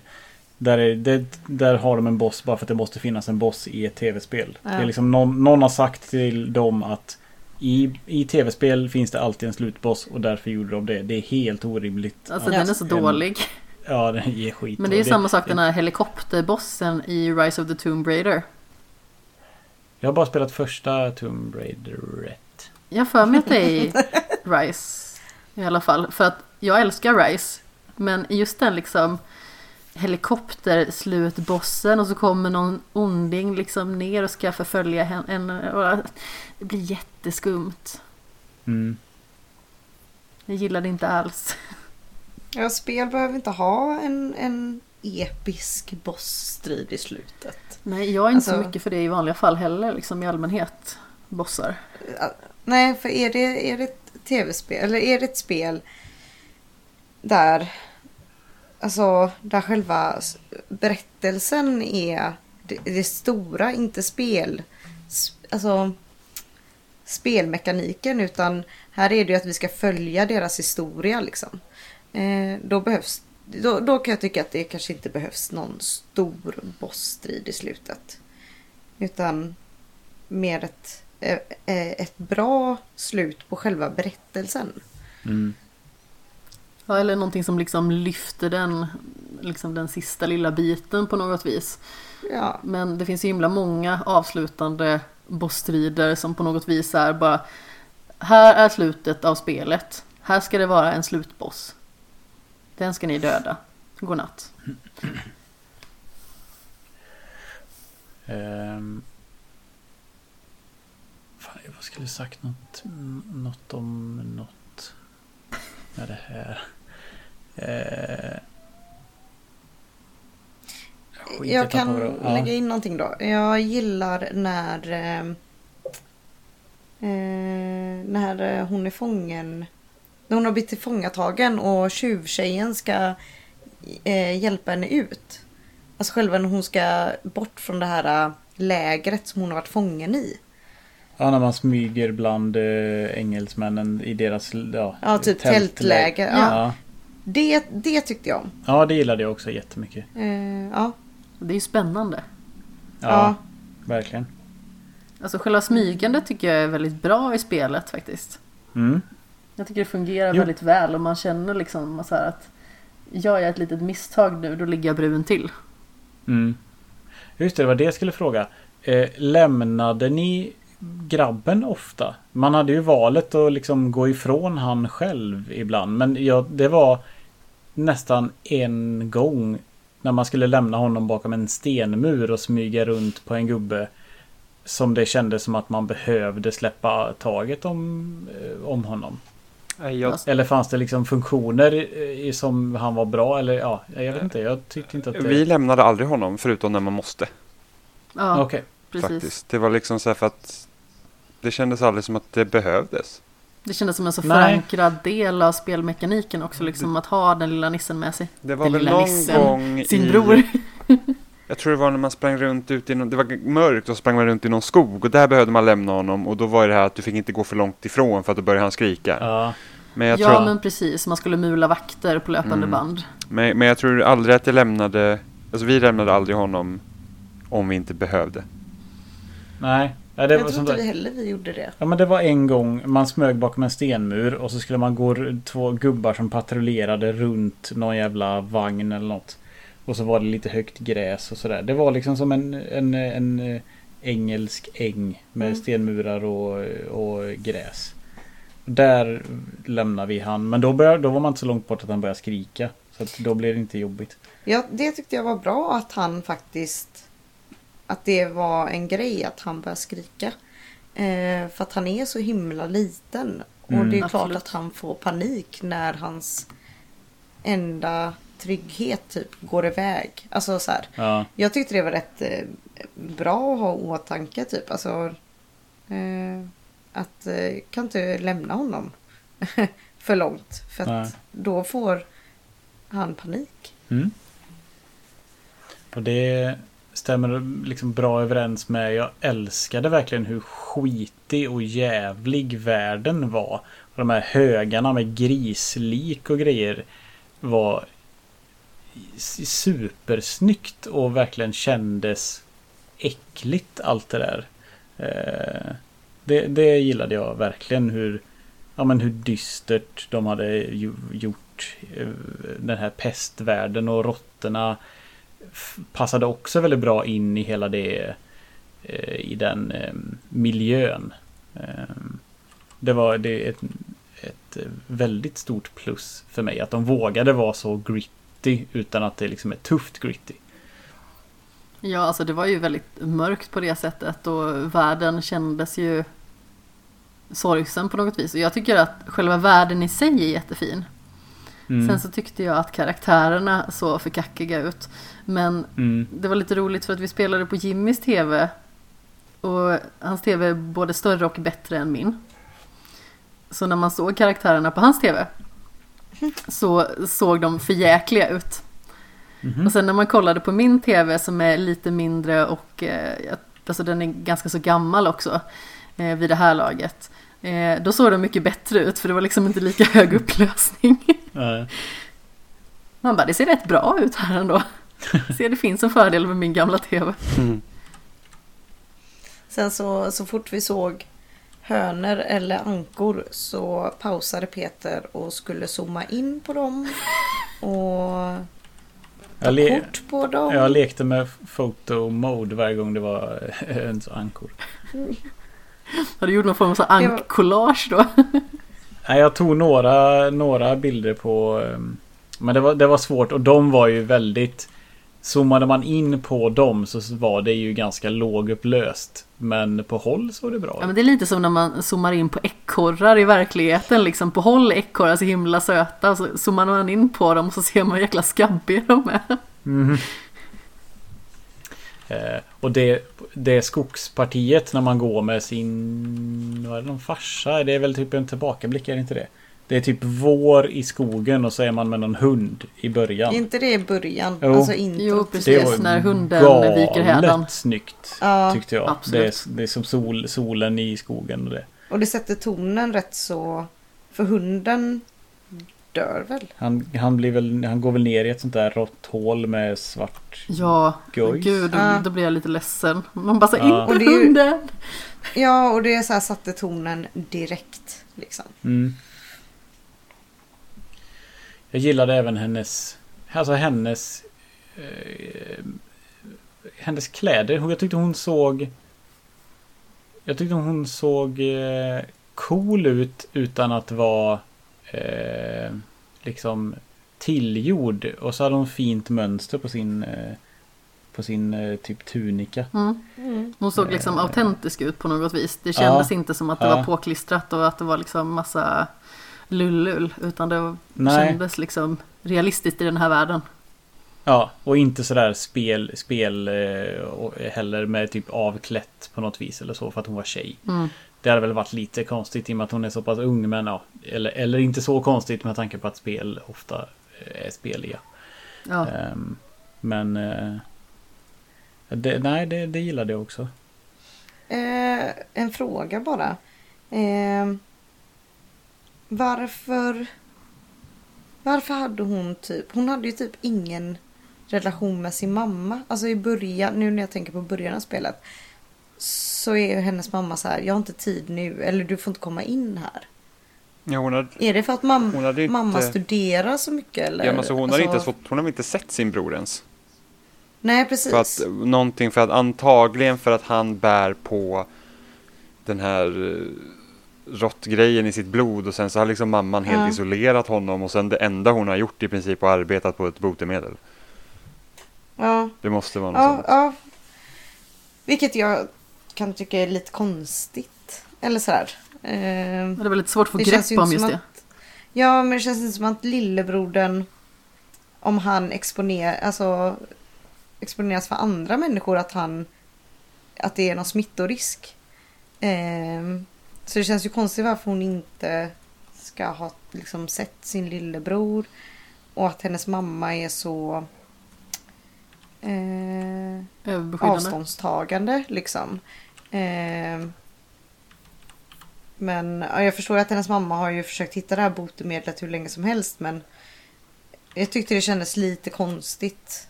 Liksom. Ja, men det känns också märkligt att barnet liksom blir avskärmat från resten av världen. Men han blir liksom inte avskärmad och isolerad på en annan plats. Vilket hade Nej. kunnat vara mer förståeligt ifall det skulle vara så att med tanke på vad han nu är så kanske han drar råttorna till sig och då Mm. riskerar omgivningen att liksom insjukna. Eller vad man ska säga. Ja, precis. Eh, men han bor ju liksom i herrgården precis som alla andra, bara det att han är gömd. Ja, ha ett, ha ett eget rum. Typ. Ja. Det var lite lustigt.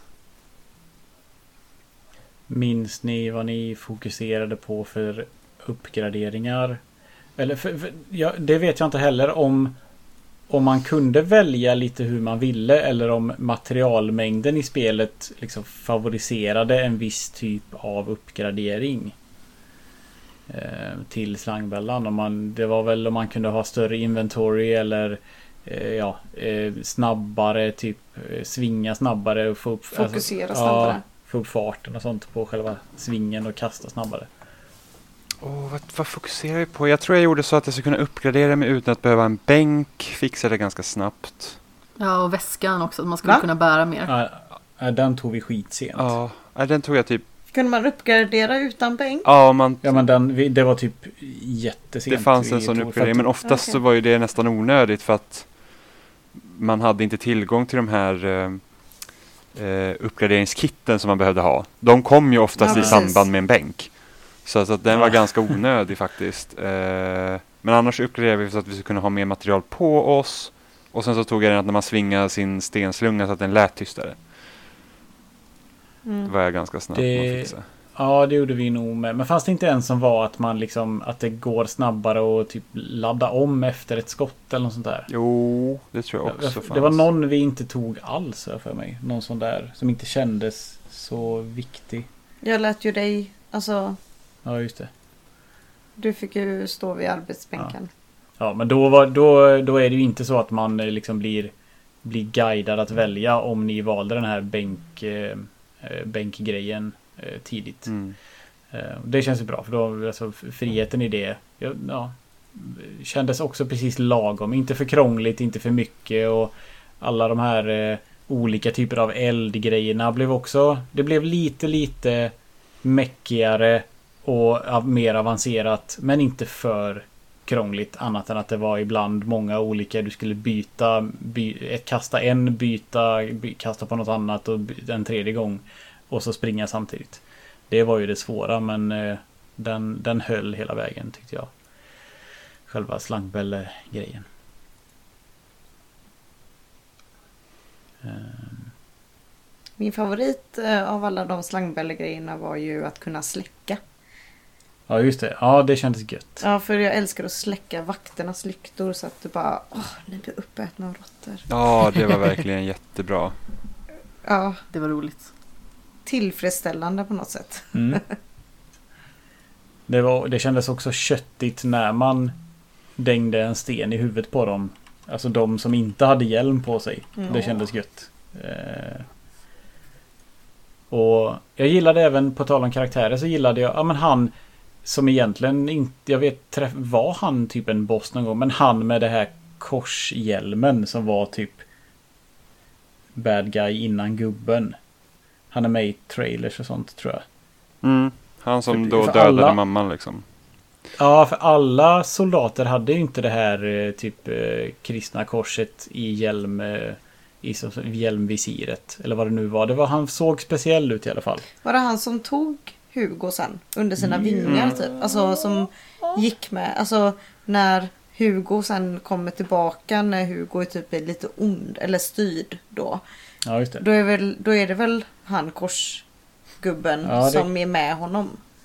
Och bussar på honom på oss. Typ. Eller så här, försöker bussa Hugo på oss. Det, här minns inte ens jag. Faktiskt. Det- Det är väl han? Eller? Mm, mm. Jo, det är han. Han var ju typ någon form av miniboss. Ja. Antagonist Ja, men som... han, jag gillade designen på honom också. Han kändes liksom stor och tung och eh, ja, skräckinjagande. Mm, jag håller med. Men jag gillade verkligen alla förmågor och sånt på slangbällen. Det var ett väldigt bra val av vapen ändå. Mm. Mm. För det var liksom att det, det kändes rimliga de grejerna de la till. Ja. Och sen så liksom att, att när fienderna blev svårare så fick man alltid någonting som gjorde så att liksom striderna kunde ändras lite. Och så blev de liksom lite mer komplex men det blev aldrig liksom för jobbigt Nej, nej. faktiskt. Ja. Har vi något mer att tillägga om A Plague Tale? Nej. Jag, alltså jag tycker man ska spela det. Nu som så många gånger så känns det som att vi har gnällt mest på det. eh, men det kanske vi inte har, det vet jag inte. Det, om det, man hör konversationen utifrån så kanske det hoppas jag att det inte låter så. För jag tycker att det var ett väldigt trevligt spel.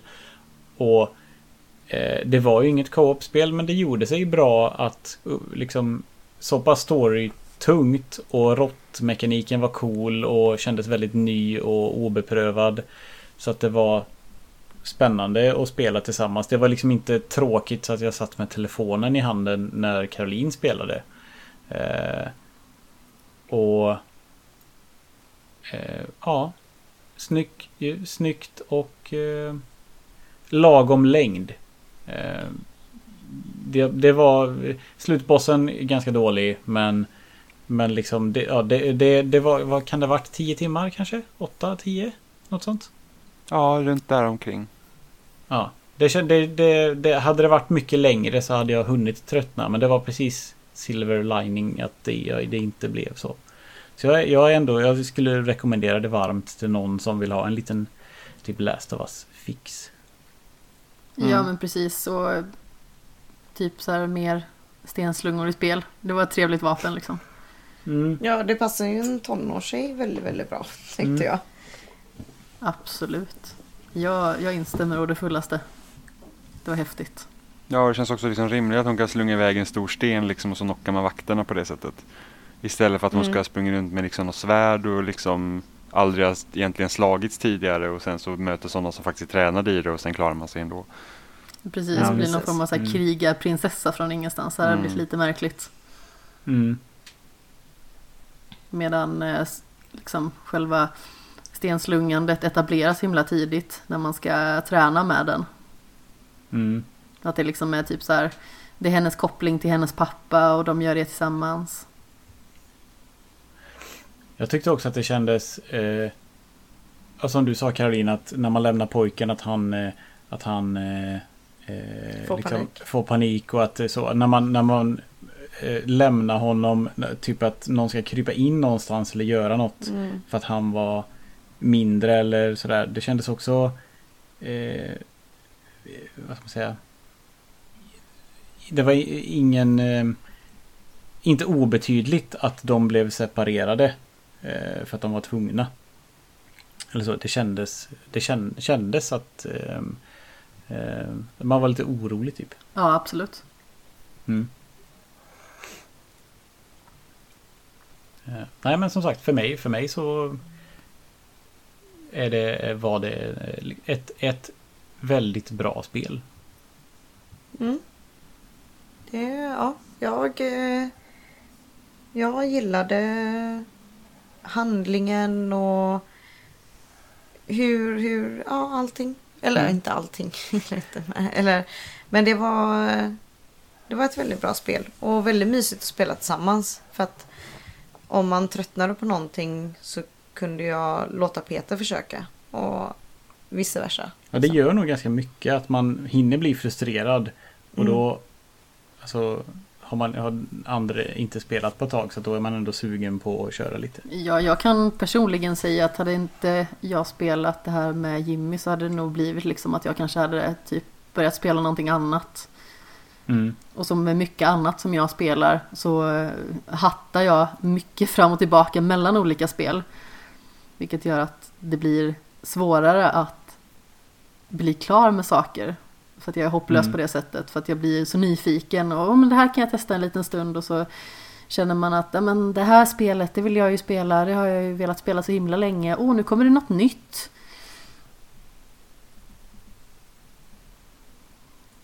Så det kändes som att jag behövde liksom ha min partner där. Mm. En partner som dessutom är väldigt mycket bättre på att bli klar med saker än vad jag är. Ja men det börjar jag något nytt så är det kört för det jag inte alltså, går ifrån. Ja, det är därför men... jag liksom uh, står fast vid det jag spelar. Ja, du blev ju klar med Fire Emblem Three Houses typ på två veckor och jag blev klar med det typ efter fem månader. Jo, men det är bara att jag hade, jag hade jag börjat spela något annat under den tiden då hade inte jag blivit klar med Fire Emblem. Nej, men jag småspelade det typ hela tiden. Så var jag klar efter typ 62 timmar eller någonting sånt. Mm. Jag tror att Caroline skulle älska Fire Emblem 3 Houses. Ja. Ja, jo, men det vet jag att jag hade gjort. För att... Vilken var det jag körde på DS? Awakening. Ja. Det är så bra. Eh, ja, jag tyckte det var så roligt. Och... Men det är väl lite att eh, den är fortfarande rätt så dyr på switchen. 600 spänn i alla fall. Mm. Ja, det... Jag väntar Men lite. du kan få låna det av mig. Oh, Jag har det i fysiskt exemplar. Så vi kan eh, koordinera det efter avsnittet. Så är det bara att lösa det helt enkelt. ja, det hade varit eh, asnice. För att eh, det hade jag velat spela. Eh, eftersom Awakening var väldigt, väldigt roligt. Ja, men jag- känner liksom med Three Houses på något vis så tar det serien lite till nästa nivå. I och med att det dels går att spela både bärbart och stationärt. Plus att det känns som att man blir mer investerad i sina karaktärer. Mm. I och med att man liksom har en utbildning med dem och man måste liksom se till att de funkar så bra som möjligt med varandra. Och det känns som att man bygger upp relationen med karaktärerna på ett helt annat vis. Det låter fantastiskt. Ja, det är underbart. Nu lobbar jag ju i och för sig väldigt hårt för att Caroline ska spela Nino Kuni på Switch. Åh. Ja, men det ska jag också göra. Men den är också... Den är bara hälften så dyr. Ja. Men det är första spelet då. Ja. Mm. Tvåan Jag är har bra. varit... Sluta Jimmy! Ja, men det är inte Tvåan är bra. inget bra. Jag var så besviken. Jag älskade ju det och sen så eh, kom God of War i vägen och sen så eh, tappade jag God of War efter typ en och en halv timme och sen bara nu ska jag spela Nino Kuni igen så hade jag tappat Nino Kuni också så var jag jättebesviken. Men eh, Ja, men- Okej, för jag, jag har inte spelat God of War. Men jag kollade ju på när Peter gjorde det. Jädrar vad bra det var att kolla på. Det var så spännande. Mm. Ja, nej. jag vill ju klara det också. Det var bara det att tajmingen var så himla illa i och med att jag hade spelat typ så här 60 timmar Nino Kuni 2 eller någonting och sen så bara så här jag borde vara med på det här upphaussningståget. Och så hoppade jag på God of War och sen bara så jag ville ju spela Nino Kuni och så började jag spela Nino Kuni igen och sen så eh, vet jag inte riktigt vad som hände. Det var synd. Men första Nino Kuni det är ju ett av de spel som jag liksom på rak arm kan liksom säga att jag har lagt ner mest timmar i, alltså av konsolspel. Mm. Ja, det är riktigt bra. Ja, det är fantastiskt. Och visst svårt, men eh, jag tror att det kan göra sig väldigt bra på Switch i och med att man inte lika aktivt då behöver söka sig till någon form av sparpunkt. Utan bara kan Mm. liksom eh, släcka skärmen. Mm. Så det är bra. Det var ju det som... Det är lite fara med switchen tycker jag. För att eh, jag började spela eh, Pokémon. Vilken Pokémon var det? Peter har koll på allt. Ehm, Den, vad heter den? Let's Go. Ja. Eh, och eh, spelade väldigt länge. Och bara stängde ner skärmen. Åh, och så laddar den Och ur. Sen, ja. Ja, nej, det har Och hänt sen mig när jag startade den igen så bara, ah, jag får starta från början. N- Not gonna happen. Alltså det kom, alltså aldrig i mitt liv att jag startar om. Eh, nej. Jag har blivit väldigt noggrann med, med det på senare tid. Men jag har ju Mm. spelat så himla otippat och så himla mycket Eh, Animal Crossing. Jag trodde liksom inte riktigt att det skulle vara ett spel för mig men alltså det är någonting med speldjävulen i det som har typ satt klorna i mig och jag är ju typ uppe i 85 timmar eller någonting. Alltså det är helt sjukt. Min kollega, eh, hans tjej är mammaledig och är hemma. Och hon ringer honom, de spelar med samma karaktär. Alltså de spelar tillsammans men hon spelar ju då när han är på jobbet. Mm. Hon, ri- hon ringer honom för att prata om vad de ska liksom fokusera på. Köpa, sälja och såna här grejer. Alltså det är så här.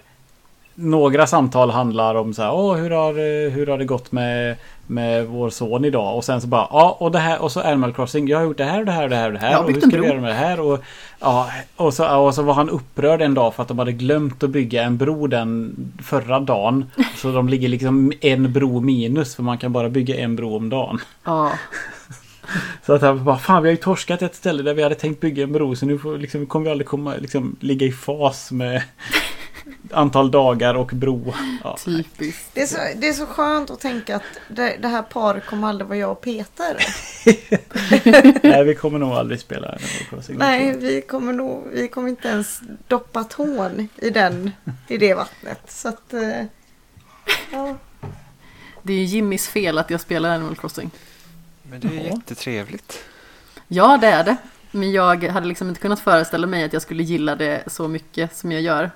Eh, jag hade ju liksom kanske inte riktigt, när året börjar, eh, så hade jag liksom inte tänkt så här att åh, Animal Crossing ska jag spela i år när det kommer. Utan det var liksom när släppdatumet började närma sig och folk var helt vilda på internet över att det skulle släppas snart. Och folk liksom har bokat den här specialutgåvan och har väntat med att köpa Switch de senaste tre åren för att det förhoppningsvis skulle komma ett Animal Crossing. Och att de ville ha en specialutgåva med det. Eh, så jag Som är anmälde väldigt mig. fin. Får jag erkänna. Den är jättefin.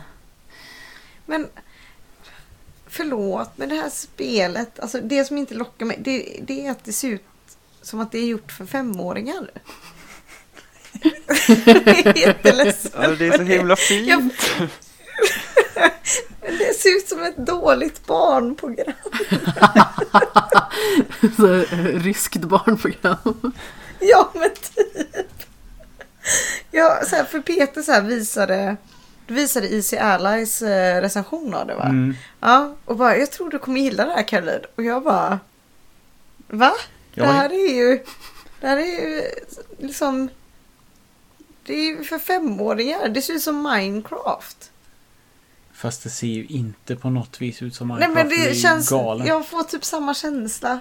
Men jag förstår att, jag, jag har ju fattat att det är en hype och att folk tycker det är roligt och allt sånt där. Att det är, ja. Men jag kan inte komma förbi det. Jag kan inte... Nej, det, det var ju himla tur att jag inte köpte det. För jag var så säker på att det skulle passa dig. Att jag var... Jag var liksom halvvägs till affären och bara fick jag någon sån här nej men jag... jag här- Kortet var halva inne. Ja men jag vill säga över, överras... Jag får väl... Vi är väl vuxna människor så det gör väl ingenting om jag typ spoilar överraskningen men jag ändå bara kollar läget om du tycker att det är intressant. Så att inte jag spenderar massa pengar på något som du inte gillar. Mm. Och det var ju tur då den här gången. Men sen är jag ju en tjej som spelar Delicious Emily alla de spelen. Ja, precis. och, och liksom tar hand om restauranger och ger kunderna vad de vill ha och Mm. sådär. Eh, så ja, men jag kan, jag kan inte komma över hur det ser ut bara. Jag tror att man kommer nog över det när man väl börjar spela det om jag ska vara helt ärlig. För att alltså, vissa karaktärer de är ju yxfula. Så är det bara. Eh, men alltså, det finns någon form av charm i den här ön som jag vet inte, det är själva känslan i att ja, men det här är mitt och jag ska bygga det på något vis. Och jag får utforma det här typ som jag vill. Och det är mysigt och härligt. Och på något vis blir allting så himla beroendeframkallande för att progressionen gör så att spelet håller mig fast. Ja.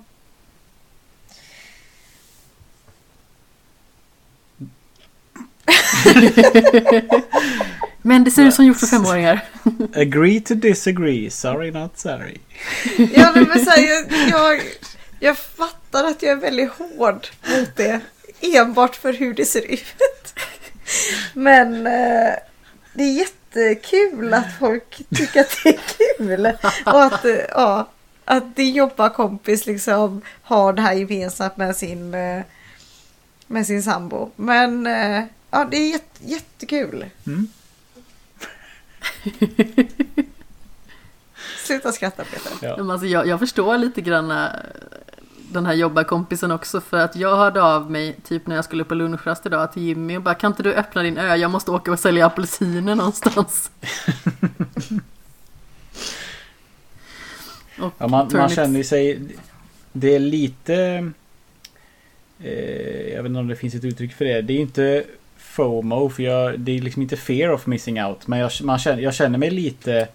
Jag, ha, jag hade velat veta vad grejen är. Alltså känna, känna den här liksom stressen och eh, över att man måste man måste få sålt sina, vad det nu är Turnips. man har. eh, Ja, turnips och sånt där och liksom, åh nu är det, nu, nu får man mycket pengar för den här grejen. Alltså, det är så jävla många som spelar och det är så stort och populärt att eh, jag hade, ja, jag, sk- jag är nyfiken på vad det handlar om. Sen är jag inte intresserad av spelet. Och jag hatar det inte på något vis. Jag är bara inte intresserad. Men jag är lite sådär, fan. Hade varit kul att få känna, vad, känna på vad det är som är speciellt med Animal Crossing. Ja. Det är den största digitala launchen någonsin. Oj. Så det slog förra rekordsinnehavaren vilket var Black Ops 4. Oj, I digital försäljning då. Eh, Så att det är Mm. ganska imponerande med tanke på att Animal Crossing är ändå sett som att vara en ganska nischad upplevelse. Nintendo Ja. säger tack Corona. Ja, nu måste det typ Ja. ha... Jag tror att Black Ops 4 hade väl sålt typ 5 miljoner exemplar digitalt under någon tidsperiod eller något vad det är. Och Animal Crossing ligger då ovanför det. Mm. Vilket är, det är ganska sjukt faktiskt. För att det, jag kommer ihåg, jag, jag Ja. körde första spelet på GameCube när det släpptes här i Europa, vilket var kanske 2004 något sånt. Eh, och då var det ju väldigt liksom så här annorlunda. Jag kommer ihåg, det är till och med svårt att få tag på. Jag tror det är ett av de spelen på GameCube med så att du kan få ganska mycket pengar för om du liksom har ett komplett exemplar. Mm. Så det är rätt så kul. Mm. Jag gillar eh, det. det en, eh, ja, i, och med, I och med att jag lyssnar mycket och sånt så vet jag ju. Jag vet mer om spel än vad jag spelar spel. Men på de gamla så kunde man väl missbruka eh, högtider ganska hårt genom att ställa, ställa om klockor och sånt. Det patchar de väl nu om jag har förstått det rätt. Så att du kan inte få eh, påsk mer än, vad, än en gång om året. Nej, jag Eller? vet inte hur det ser ut nu om de eventen som de lägger in stannar kvar så att du teoretiskt sett hade man kunnat hoppa fram till nästa påsk. Men du kan inte hoppa fram till exempel till jul nu för att det finns inte i spelet än. Jag kan säga att det är ingen som vill ha mer påsk efter den här påsken. Nej, det, Det, var så jäkla mycket ägg överallt liksom. Ja, det- Man bara det var- vaknar det typ var mitt på hemskt. natten och bara så här, Ett vattenägg! Alltså det var, det var här, största delen att samla liksom pengar och sånt i det spelet typ att fiska och sen helt plötsligt fick du upp ägg som inte är värda någonting mestadels av tiden så att det var liksom så här, ja. Jag har ju Eh, liksom upptäckt också att jag har en för, liksom, för att fiska i spel. Typ i det här och Stardew Valley till exempel. Så när jag bara fiskar upp en massa vattenägg, jag håller på att bli koko. Också en, så- det är ju verkligen ett riktigt problem då. För det gnällde min kollega också över. Han försökte få sympati från mig på att det var så... Det var, påsken var så jävla skit för att han inte kunde fiska längre. Och jag kunde inte bry mig mindre. Och sen när hans sambo ringde och skulle prata Animal Crossing så beklagade han sig över hur lite jag brydde mig om hans jävla påskägg. Så det, det var, jag förstår att eh, folk var upprörda över de här äggen. Ja, de fick ju till och med lägga in en uppdatering för att ta bort ägg och ändå var det för mycket. Ja, precis. De sänkte liksom antalet ägg. För att förut så var det så att det här, event, det här eventet brukade ske en dag. Och av någon anledning har de bestämt nu att eventen ska liksom ske under en längre tid. Så vi har så här 12 dagar av liksom ägg. så att eh, det var väl där som folk blev lite irriterade antar jag. Alltså det låter fantastiskt. Just det, att det var att folk ville fiska. Och så var det någon sån här kanin som besökte ön som ser ut typ helt psykotisk ut och som heter Zipper. Och sen så var det så här typ att folk hade börjat, för det finns en kamera i spelet så att man kan liksom ta bilder och då kan man liksom ha kameran på den här kaninen och sen så kan karaktären gå ur bild så man fortfarande liksom har kvar kameran på kaninen och det verkar att den kaninen spelar ju bara. För att så fort man kommer en, liksom en viss avstånd så liksom typ pustar den ut och blir normal. Eh, liksom så här bara att, åh gud, jag behöver liksom inte låtsas och vara så här glad hela tiden så folk liksom retar sig på den här kaninen liksom att det är typ något ont som har liksom kommit till ön. Så att det är Det är, rätt så kul. jag, men jag, jag, jag, känner verkligen med er att ni inte fick kapitalisera mera under påsken och tjäna era pengar och sälja. Jag känner allt det, all väljer. Men min Det var så fisk! himla jobbigt för er. Ja. Gått miste om så många red snappers alltså, det är helt otroligt. Ja, men Man tror liksom att det är så här får en stor firre och sen tänker man så ett litet ägg liksom. Man bara jaha. Ja, och sen nästa så får man en seabär så då vet man ju liksom Ja. att dagen är förstörd. Men mycket av behållningen när det är så många som spelar det här spelet också, det är liksom att det är liksom allt som sker kring det liksom. Alltså folk hittar ju på, Mm. så man har ju hela den här det finns ju så att man kan köpa turnips i spelet som är liksom som deras typ aktiemarknad så går det upp och ner priserna liksom under veckan och så, så kan man byta och sånt, eller åka till varandras öar och sälja och sånt och det finns ju en hel liksom, sida på nätet där man liksom kan skriva i vilket pris man har och så kan folk komma och besöka ditt ö och så tar de olika betalt och sådana grejer. Det fick ju jag göra. Ja, Det var ju helt otroligt för att jag är lite av en fegis och är inte så jättebra på is i magen. Så jag köpte mina turnips, jag tror att det var hos dig Jimmy, ja. förra söndagen. Och eh, då för 98 bells per eh, turnip. Och sen när onsdagen kom, då hade min liksom gått upp till 131. Tänkte jag bara, men jag tjänar liksom en hyfsad hacka på det här. Så, men jag gick och sålde mina turnips. Och så på eftermiddagen, 165. Vad fasen, då blir jag ju liksom lite sur. Fasen har jag gjort fel beslut? Så jag skulle ha hållit mig. Mm. Och sen så liksom har vi en gemensam chatt där vi pratar om, ja men, varje förmiddag och varje kväll så säger vi liksom hur mycket våra turnips är värda. Eh, så i alla fall så var det en i gruppen som hade 382 och då tänkte jag bara nej, det här händer inte. Jag blir ju tokig. Och sen dagen efter så kände jag bara så här att jag borde egentligen inte gå och kolla vad det är för turnipspriser. Men det har liksom blivit min morgonrutin att alltid gå in i spelet och, och kolla. Och så gick jag in och så eh, låg det naturligtvis på 604 per turnip. Och jag kunde inte sälja några. Vi hade ju inga. Men då öppnade jag upp en sån här turnip exchange och så fick eh, ett gäng nissar komma till min ö så fick de betala inträde då på eh, 99 999 belts. Varför skulle de vilja göra det? För att de säljer sina turnips sen och så får de typ en miljon bells ändå. Ja, för du kan bara sälja turnips mellan eh, måndag och lördag. Och sen så Precis. om du inte har sålt dem innan dess så ruttnar de. Tills du kan köpa nya på söndagen. Ja, Jaha, Så att det- men vadå så att det var bara Amandas försäljare som gav det här priset? Ja, det är, o- det är olika, det är olika på varje ö. Så att det är därför man alltid får liksom kolla med varandra. ja. Så jag åkte ju till Jimmy idag och sålde, alltså dels om man säljer sina apelsiner på en annan persons ö, eller sin frukt på en annan persons ö, då blir de liksom mer prisvärda. Så säljer man dem för 100 herregud. på sin ö så är det typ för 500 på någon annans ö. Eh, Shit, jag har verkligen lärt mig något nytt idag. Alltså det är så, så som värld. Alltså på något Ja. sätt. Jag sitter och skrattar för att det låter som att alltså, ni pratar om riktig aktiemarknad. Alltså, så här. Eh, och det var inte vad jag trodde spelet egentligen var. Och därför, jag tycker det är... Ja, det, det är väl tur att det inte är på riktigt för det är ju, Amanda är ju en fruktansvärd människa som tar så här hutlöst inträde för att komma och sälja grejer. Jag tycker att jag hade ett ganska så rimligt inträde. Det finns folk som är värre. Ja, men det finns alltså, ja, det finns helt, alltså det, är som, det finns ju 400 olika eh, liksom djur man kan få som bor, kan bo i en stad och man kan ha tio åt gången, men det liksom finns 400 olika varianter. Och så finns det ju vissa som är mer eftertraktade än andra och folk liksom typ säljer ju dem också.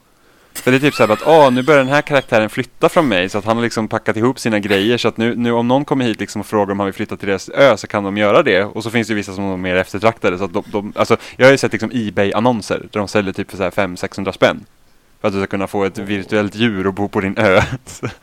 Åh ju herregud. Folk Det- är märkliga Det är alltså. fascinerande. Och det finns ju typ någon katt som heter Raymond som är ny för det här spelet och han verkar liksom vara the hot shit liksom att ha. För att han är typ rolig. Jag vet inte varför, jag är ganska nöjd med mina djur så här. Ja. Min kollega hade, han hade kapitaliserat också på eh, några jävla spindlar som de hade fått skitmycket pengar Ja, för. av tarantellor. någon anledning. Ja, precis. Ja, det, det, är, det är lite spännande att höra faktiskt om eh, Fast man begriper ju inte så mycket. Det har ju varit eh, förändrare och man eh, ja, förstod hur det funkar. Men, Jag, jag tycker det här det är, det är väldigt roligt när ni pratar om turnips och priser upp och ner och jag fattar ingenting och det gör det hela mycket roligare. Alltså, alltså jag har tre sidor som ska räkna ut liksom sannolikheten för vilka siffror jag ska få varje dag som jag knappar in för varje dag för att se så här, okej, n- kan jag få en spike någonstans? När ska jag sälja mina liksom turnips? Det här är fantastiskt! Så att det är liksom, ja det är lite galet faktiskt. Och, sen, och den här veckan så var min affär uppgraderad sig själv så då hade jag en hel dag jag inte kunde se några priser och då liksom svettas man ju liksom. Jag tänker vad ska hända liksom, hela ekonomin går i stöpet. Jag satsar allt mina på mina... turnips ruttnar. Ja men jag satsar allt på mina turnips liksom, för ruttnar de så har jag en kvar liksom. Men, men eh, fan, vi måste verkligen gå och lägga oss här snart. Men sista frågan då om eh, det här. Vad ska man med alla pengar till? Är det att köpa typ inredningsmöbler eller kan du liksom... Ja, vad- ska man ha pengarna till i Ja. slutändan? Är det för att göra ön fin? Ja, Ja. i princip. Det är, man, man bygger upp sin ö, man utsmyckar den, man, eh, man betalar tillbaka Uppgradera lo- sitt hus. Ja, man uppgraderar sitt hus och betalar tillbaka lånet som man har på det. Eh, så att det är det man gör med pengarna helt enkelt. Men, men de som har fått miljontals miljoner på någon sån här superdeal då, alltså hur mycket är, är det liksom exponentiellt dyrare priser på saker eller kan du uppgradera ditt, ditt hus 40 gånger eller vad är det som krävs så otroligt mycket Jag kommer pengar? inte ihåg hur många uppgraderingar finns på huset, men nästa lån jag måste betala av är 1,2 miljoner, någonting sånt.